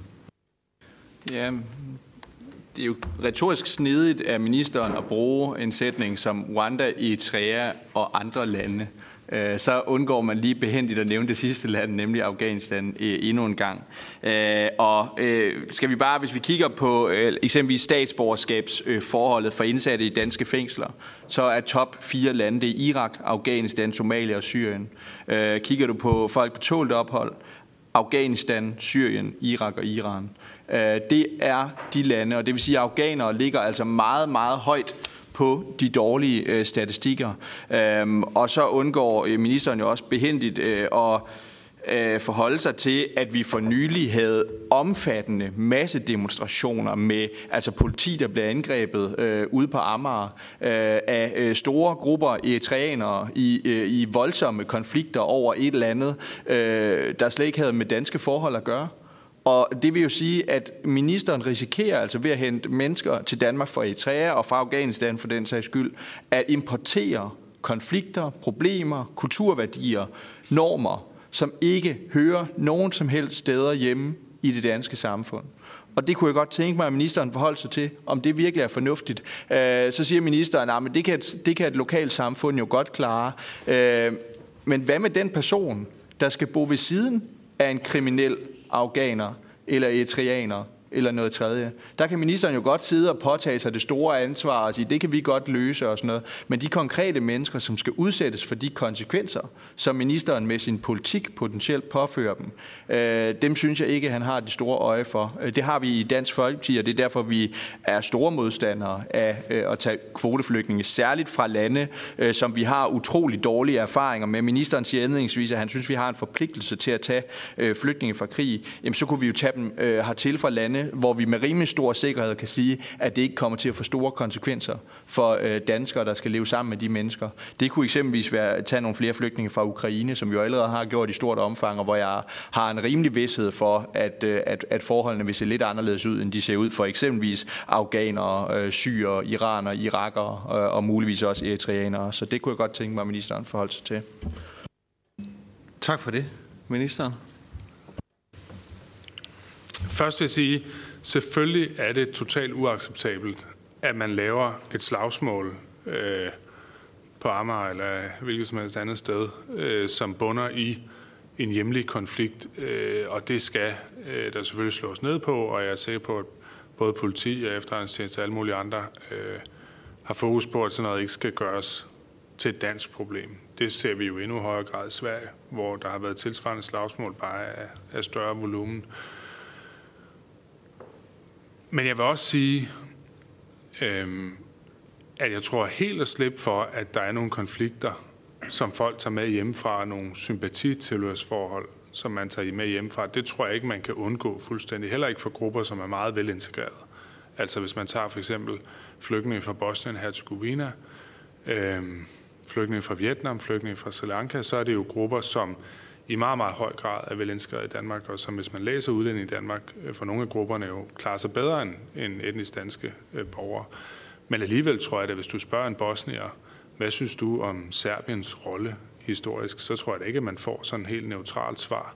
Øh, jeg tror, at man vil vedholde og have en følelse over for, over for øh, den konflikt, som man har været en del af. Og tilsvarende, hvis man spørger en vietnamesisk flygtning om, øh, Øh, den konflikt og den krig, som var dernede i mange år, så vil man selvfølgelig også have nogle meget stærke holdninger. Det mener jeg ikke er vores opgave at rense ud af folk. Det er så længe, at man har det tilhørsforhold, den konflikt på en lovlig måde, så, så mener jeg ikke, at, at det er... Altså, jeg mener, godt, jeg mener godt, at man samtidig kan være ordentligt integreret, og samtidig have nogle følelser forbundet med det land, øh, man kommer fra. Øh, det, det mener jeg i hvert fald, at de tre grupper øh, er, et, er et tegn på. Øh, og så vil jeg sige, i forhold til, hvem der skal bo ved siden af, Øhm, ja, altså det svære ser vi jo gang på gang, at dem, der kommer til at bære opgaven med integration, det er først og fremmest folk, der har der er i arbejderklassen, folk, der har lave indtægter, folk, som i forvejen ikke har særlig mange muligheder. Det øh, har jo været øh, mit eget partis fokus igennem mange år at forsøge at gøre det mere ligeligt, øh, og det mener jeg, vi har gjort på en række måder blandet øh, i forbindelse med parallelsamfundspakken, i forbindelse med fordelingen af, med, mellem kommunerne af, hvor mange flygtninge man skulle have. Øh, det var også noget, der foregik øh, under 2016, da, da Inger Støjberg var minister, hvor der kom utrolig mange flygtninge til. Øh, der var, kan jeg huske, for eksempel, der var en diskussion omkring Gentofte Kommune, der mente, at man skulle tælle de filippinske au pair-kvinder med øh, i forhold til, til grundlaget for, hvor mange flygtninge de skulle tildeles. Og det tror jeg, der var en vigtig kamp at tage og sige, at Gentofte Kommune skal også bidrage til at tage imod flygtninge. Det, det, blev vi da ikke, øh, det var da ikke, fordi de var super glade for det deroppe. Men, men det mener jeg, det, det er en reel problemstilling at sige, hvem er det, man flytter ind ved siden af. Øh, men at Odense Kommune ikke skulle kunne tage et par håndfulde kvoteflygtninge i løbet af et år, det, det mener jeg er at, at overgøre øh, udfordringen. Tak til ministeren. Så er det Peter Skov. Ja, tak for svarene endnu en gang. Øhm, nu er det jo sådan, at Danmark har visse udfordringer med at kunne udvise kriminelle, der kommer fra andre lande. Og det er jo en, det er jo en opgave, som ministeren kender alt for godt. Øh, og vi rykker stadigvæk for, om der sker noget fra regeringens side, men det er en anden sag. Men lige nu her har man jo sådan en mulighed for at gøre noget ved det, når man nu tager kvoteflygtninge. Fordi hvis der er nogen, der laver ballade eller uro øh, på Amager i Atræner, eller nogen, der importerer narkotika, så har vi jo mulighed for inden for de nuværende regler øh, i lovgivningen at udvise folk. Men der er også lande, der, der ikke vil tage imod de pågældende, så, hvor det så rent faktisk ikke sker. Jeg kunne godt tænke mig at høre, har regeringen sikret sig øh, med de her 200, at man nu vil tage fra øh, Rwanda, Eritrea og, og Afghanistan, at man så kan udvise dem, hvis de begår kriminalitet i Danmark? Tak for det, ministeren. Jamen først og fremmest er det jo, altså fra Rwanda er det jo rent kvinder og børn, vi tager. Og det er det fortrinsvis også fra øh, Øh, Afghanistan, fra øh, Eritrea er der en del mænd også, fordi de er underlagt en meget lang, øh, øh hvad hedder det, værnepligt. Altså derfor så kan mændene gå ind automatisk under de kategorier, som, som, øh, som der gælder her. Øh, så man kan sige, at det er jo typisk ikke kvinder, der begår den type af kriminalitet, man bliver udvist for. Det, det er i hvert fald ikke den erfaring, vi har. Men øh, jeg, ikke, jeg ved, at vi ikke kan udvise til Afghanistan. Jeg, jeg vil regne med, at vi kan udvise til Rwanda, det er jeg ret sikker på. Og så er jeg i tvivl med, med Eritrea, men det kan vi måske også følge op på. Tak for det. Så er det Kim Edberg.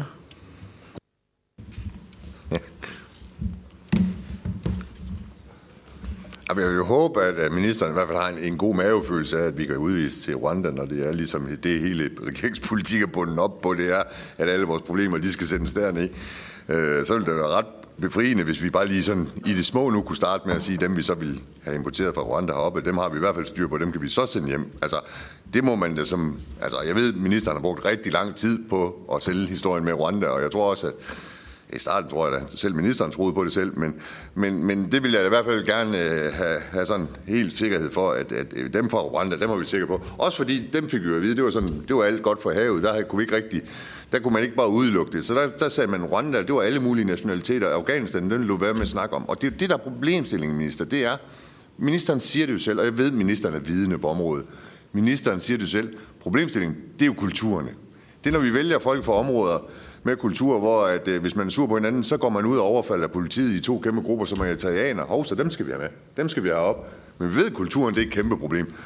Afghanistan, det ved vi, det er så kæmpe stort problem, men dem har vi ikke engang lyst til at sige i et samråd åbenlyst. Det er dem, vi tager. Så, øh, så, så, men det er dem, vi skal have. Og så er der Rwanda, som vi jo så ikke rigtig ved, men det er jo mest kvinder og børn. Øh, og det er da godt, der overhovedet aldrig er nogen fra venstrefløjen herinde, fordi så har vi da haft en ligestillingskamp uden lige bagefter. Fordi hvordan kan man da være... Nej, det er selvfølgelig rigtigt, når det er kvinderne, så er det godt nok. Men ministeren bliver bare nødt til at tage det her lille smule, for jeg ved godt, det, og det er min måde, men det er så sjovt, at det er frygteligt, fordi der er så mange flygtninge i verden, vi kunne tage fra. Så mange flygtninge, vi kunne finde de 200 fra, som sikkert godt kunne integreres i Odense. Men held og lykke med at, at blive den i Odense om 10 år, når du så har fået 200 italienere, de så er sure derover, og så de smadrer hele området, hvor du bor i, øh, og kampe mod politiet. Når du er den arbejderfamilie, som bor der også, minister, hvorfor vælger man bevidst at tage i hvert fald to ud af tre grupper som kvoteflygtninge, som vi faktuelt, også i det her samråd, har påvist at dem ved vi, der er problemer med. Hvorfor ikke tage nogen, vi ved, der ikke er problemer med? Og, og jeg kender hr. Mikkel Bjørn som en meget, meget... Inden for ganske få minutter efter det samråd, så kan han komme med en liste af lande, hvor man kunne tage 200 sig selv. Men hr. Mikkel Bjørn kunne være enig i, at dem kunne man måske nok integrere. Så hvorfor er man alligevel vælger at gå ud og tage dem, vi ved, vi får ballade med? Der må jo enten være sidde nogen over ministeriet, eller noget, som har nogle gode ferielejligheder, eller noget dernede, så de bliver ved med at tage de her ting, og vi ved, det er dem, vi har problemer med. Det giver ingen mening, minister. Vil ministeren ikke svare på det? Og så lige forsikre mig, at det med Rwanda, at vi har styr på, at ministeren hvert fald kan sende dem hjem til befriernes land, som det er jo blevet råbt til fra Socialdemokraterne. At det er Rwanda, der skal løse problemstillingerne i Danmark. Det ved vi. Tak for det til Kim Edberg, ministeren. Ja, tak endnu en gang øh, for det hele. Øh, ja, øh, først vil jeg sige, de kommer jo ikke fra Rwanda, de opholder sig i Rwanda. Så det handler om, at vi sender dem hjem til de lande, de oprindeligt kommer fra, hvis de skal udvises. Det kunne være Burundi, det kunne være Kongo. Øh, Øh, det mener jeg nok, vi kan, men det kan vi selvfølgelig følge op på. Jeg, er ikke, øh, jeg har ikke hver eneste land stående her på listen med til samrådet. Og så vil jeg bare sige omkring, fordi jeg synes, Kim Edberg måske har misforstået lidt, hvad øh, det her modtagscenter i Rwanda går ud på. Det er jo ikke, nu bliver det fremstillet som om, vi skal til at køre bustransport. Jeg tror, at fly vil være foretræk. Det er i hvert fald en lang tur gennem nogle forskellige CO2. det er en lang bustur, øh, men man kan selvfølgelig potentielt godt køre den øh, gennem Sahara og andre steder. Men, men bare for at tage fat, ideen er jo grundlæggende, at hvis man kommer til Danmark som spontan asylansøger, så bliver man overført til Rwanda. Dernede kan man søge om beskyttelse. Hvis man får beskyttelse dernede, kan man både få det i Rwanda, men man vil også, fordi jeg mener, at Danmark skal tage kvoteflygtninge, kunne blive en del af det danske øh, kvoteflygtningeprogram på linje med de 125.000 mennesker, der bor der i forvejen. Øh, så det er konceptet i Rwanda-planen. Det er ikke at udvise folk til det. Altså, det er ikke folk, der er udvisningsdømt, som skal derned. Dem, der er udvisningsdømt, de skal jo hjem til det land, de gerne, altså, hvor de hører til. Altså, hvad enten det så er øh, i Mellemøsten, Nordafrika, hvor det så er henne. Øh, så, så, så der er den forskel, som, som jeg synes er, er ret væsentlig øh, at holde fast i. Og så vil jeg sige, jeg er ikke enig i, at eritreanere generelt set klarer sig dårligt sammenlignet med andre grupper. Altså sammenlignet med de, de, nogle af de store grupper af kvoteflygtninge, også gennemsnittet af kvoteflygtninge, jamen så, øh, så har de cirka halv øh, så meget kriminalitet. Øh, det, det er en forskel. Altså uanset, jeg vil sige, øh, uanset at man kan finde nogle farverige eksempler, som man kan øh, på, på Amager, så, så er det en gruppe, der generelt klarer sig bedre i det danske samfund. Og jeg vil også sige, der er jo ingen, der snakker om, at der skal bo 200 i Odense. Der skal, for samlet tre nationaliteter skal der 200 mennesker til Danmark i løbet af et år. Så vil sige, i løbet af 10 år skal der så hvis man fortsætter med den politik, 2.000 mennesker til. Selv hvis der kom 2.000, selv hvis de alle sammen var eritreaner, hvad de jo ikke vil være, så vil det stadig ikke svare til, at der skulle være 200 mennesker i Odense. Øh, det, det summer det ikke op til. Tak til ministeren. Så er det Mikkel Bjørn, der står på listen.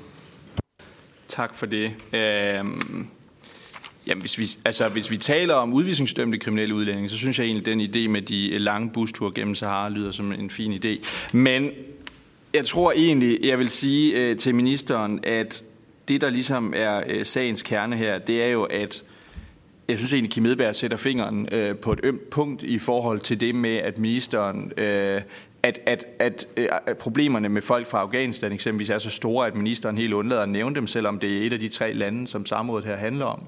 Øhm, vi kan jo ikke smide de mennesker ud, hvis de bliver dømt for kriminalitet på et tidspunkt efter, at man har taget dem som kvoteflygtninge. Så vil vi ikke kunne udvise dem, og så ender de på tålt ophold i Danmark øh, i, i adskillige mange år. Og det har vi haft rigtig mange samråd med ministeren om, øh, hvor han øh, indskærper, at øh, man vil gøre så meget, som man overhovedet kan inden for rammerne af internationale konventioner for at udvise kriminelle udlændinge, og man vil føre så stram en udlændingepolitik, øh, som man kan inden for rammerne af de internationale konventioner. Og nu lemper man så udlændingepolitikken på et område, hvor man slet ikke er forpligtet jævnført de internationale konventioner. Oven i købet ved at tage mennesker hertil fra lande, som vi har utrolig dårlige erfaringer med. Altså det, det giver simpelthen ikke mening inde i mit hoved. Øh, regeringen har nærmest fra dens begyndelse, og særligt også den tidligere regering, øh, slået sig op på at føre så stram en udlændingepolitik inden for rammerne af konventionerne, som man overhovedet kunne slippe afsted med. Det har man i hvert fald sagt retorisk, og man så har gjort det, det er så noget andet. Men når man så samtidig lemper udlændingepolitikken på et område, hvor kommissionen slet ikke siger, at man skal lempe, så synes jeg, at der er noget, der slet ikke hænger sammen.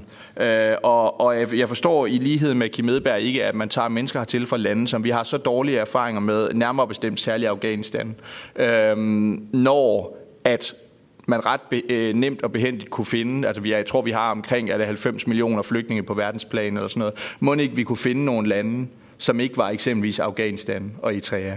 Men øh, det kunne jeg godt tænke mig, at ministeren redegjorde for. Jeg ved ikke, om jeg har super meget mere øh, til samrådet i dag, men jeg synes, det var et vigtigt afsluttende øh, spørgsmål. Tak. Tak for det. Ministeren? Mm. Ja, det kan være, at jeg øh, husker dårligt, men jeg mener, at vi går til kanten af konventionerne på en række af de områder, der handler om udlændingepolitikken, blandt andet hjemsendelsesarbejdet. Øh, det mener jeg, vi gør på øh, en række andre områder, men der, men der er områder, hvor vi ikke går til kanten af det. det. Det er jo sådan, det er. Altså, det gælder blandt andet her. Det gælder også for eksempel i forhold til familiesammenføring. Øh, der, der er jo også ægtefællesammenføring. Har vi jo lige lavet nye regler, der gør, at for eksempel danske mænd, som er blevet gift med, det kunne være en filipiner, at de har mulighed for at få øh, dokumenteret deres dansk øh, krav, eller, der, eller dansk øh, kundskaber på en anden måde, øh, end, end hvad der hidtil har galt, øh, hvis de for eksempel smidt deres skolepapir væk.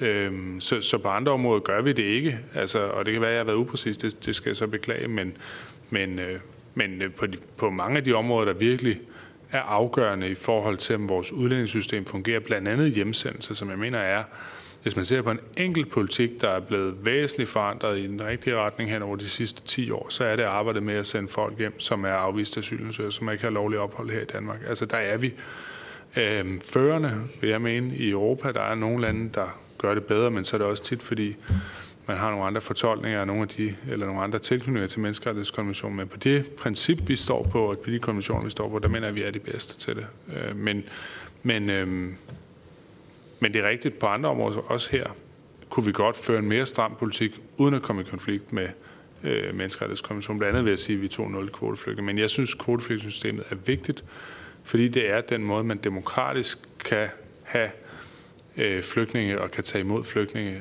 Og, og jeg synes, det er et ret afgørende princip, og jeg synes, det burde gælde i alle europæiske lande, at det er de nationale parlamenter, der skal vedtage, hvor mange flygtninge man vil tage, i stedet for at det er menneskesmuglere, domstol og alle mulige andre, som beslutter det. Og det tror jeg så heller ikke, Dansk Folkeparti er uenig i, fordi mit bedste bud vil være, at der vil komme væsentligt færre, hvis det var sådan. Tak for det. Så er det Peter Skorp. Altså, jeg er jo sådan set enig i, i princippet om, at skal vi tage flygtninge, så skal det være kvoteflygtninge, altså dem vi selv bestemmer. Men jeg er ikke enig med ministeren, og det synes jeg heller ikke, jeg behøver at være, i, at vi i den nuværende situation har så meget styr på vores øh, udlændingepolitik øh, og familiesamføringspolitik, at vi, at vi bør tage imod øh, 200 kvoteflygtninge. Øh, og, og jeg er bestemt heller ikke enig i, at det skal være for de lande, altså eksempelvis Afghanistan. Vi har været inde på det her, hvor der er en forholdsvis høj kriminalitet blandt dem, der er kommet fra Afghanistan til Danmark, og hvor jeg kan forstå på ministeren, at man ikke vil give en garanti for, at vi kan sende de pågældende tilbage, hvis de begår kriminalitet fra, fra nogle af landene, som jeg forstår det. Øh, og det vil jeg godt bede ministeren om at, at, at bekræfte, at det er sådan. Og jeg hø, synes egentlig, når jeg sådan læser og hører om det, der bliver sagt fra ministerens side, at, at så er jeg ikke engang så overbevist om, at ministeren selv synes, det er en god idé, at vi tager nogen fra Afghanistan. Altså hvis man læser den presmeddelelse, der blev lavet der i december måned, øh, 23, øh, så er det jo sådan set kun moderaterne, der fremhæver det meget vigtige i, at der bliver taget nogen fra Afghanistan. Øh, Venstres ordfører vil gerne have et absolut minimum, og glad for, at det kun er landet på 200, så ministeren er ikke sådan særlig begejstret. Den eneste, der er rigtig begejstret, det er moderaterne. Altså, er det i virkeligheden sådan, at ministeren slet ikke er særlig begejstret for det, han selv har besluttet, eller hvad? Tak for det. Ministeren? Jo, altså... Øh, vi tager jo det samme antal, som vi gjorde i den gamle regering. Og på den måde, så kan man sige, hvis vi, hvis vi i Socialdemokratiet virkelig synes, det var en dårlig idé med 200, så skulle vi have lavet være med at gøre det selv. Øh, øh, men det gjorde vi jo. Øh, og derfor mener jeg, at det er sådan set et rimeligt antal. Men øh, jeg tror at det altid vil være sådan, når man sidder i en regering, at der er forskellige overvejelser. Jeg mener, at vi har et rum til os at tage, hvad der jo fortrinsvis vil være kvinder og børn fra Afghanistan. Øh, og det er jo så den beslutning, det er landet på. Men vi ligger på de 200, som vi også gjorde øh, under den tidligere regering. Tak for det. Nu står der ikke flere navne på min blog, som er mindre, der, der lige er et spørgsmål på falderæbet. Det er der ikke, så øh, vil jeg give ordet til Mikkel Bjørn for at runde samrådet af. Jamen, øh, tak til øh, ministeren for at møde op i dag. Altså, det er jo ikke øh, sådan, at vi fik nogle indrømmelser, øh, der giver øh, Dansk Folkeparti ro i maven i forhold til den udlændingepolitiske retning, som vi synes, reger- regeringen øh, begynder at tegne med lempelser på det ene område efter det andet. Øh, ministeren nævner her afslutningsvis, det er de nationale parlamenter, der skal bestemme øh, den flygtningepolitik, der bliver ført i, i landene. Og det er vi jo enige i Dansk Folkeparti. Problemet er bare, at det er ikke den politiske linje, regeringen praktiserer. Fordi at når man opretholder de internationale internationale konventioner, jamen så er det jo ikke de nationale parlamenter, der bestemmer hverken udlænding- eller flygtningepolitikken i deres egne lande. Øh, men øh, vi har ikke yderligere øh, spørgsmål til ministeren i dag, så vi vil sige tak øh, til ministeren for at møde op. Øh, og øh, I møde ser selvfølgelig øh, flere forfærdelige lempelser fra, øh, fra regeringen i fremtiden, så øh, tak for ordet.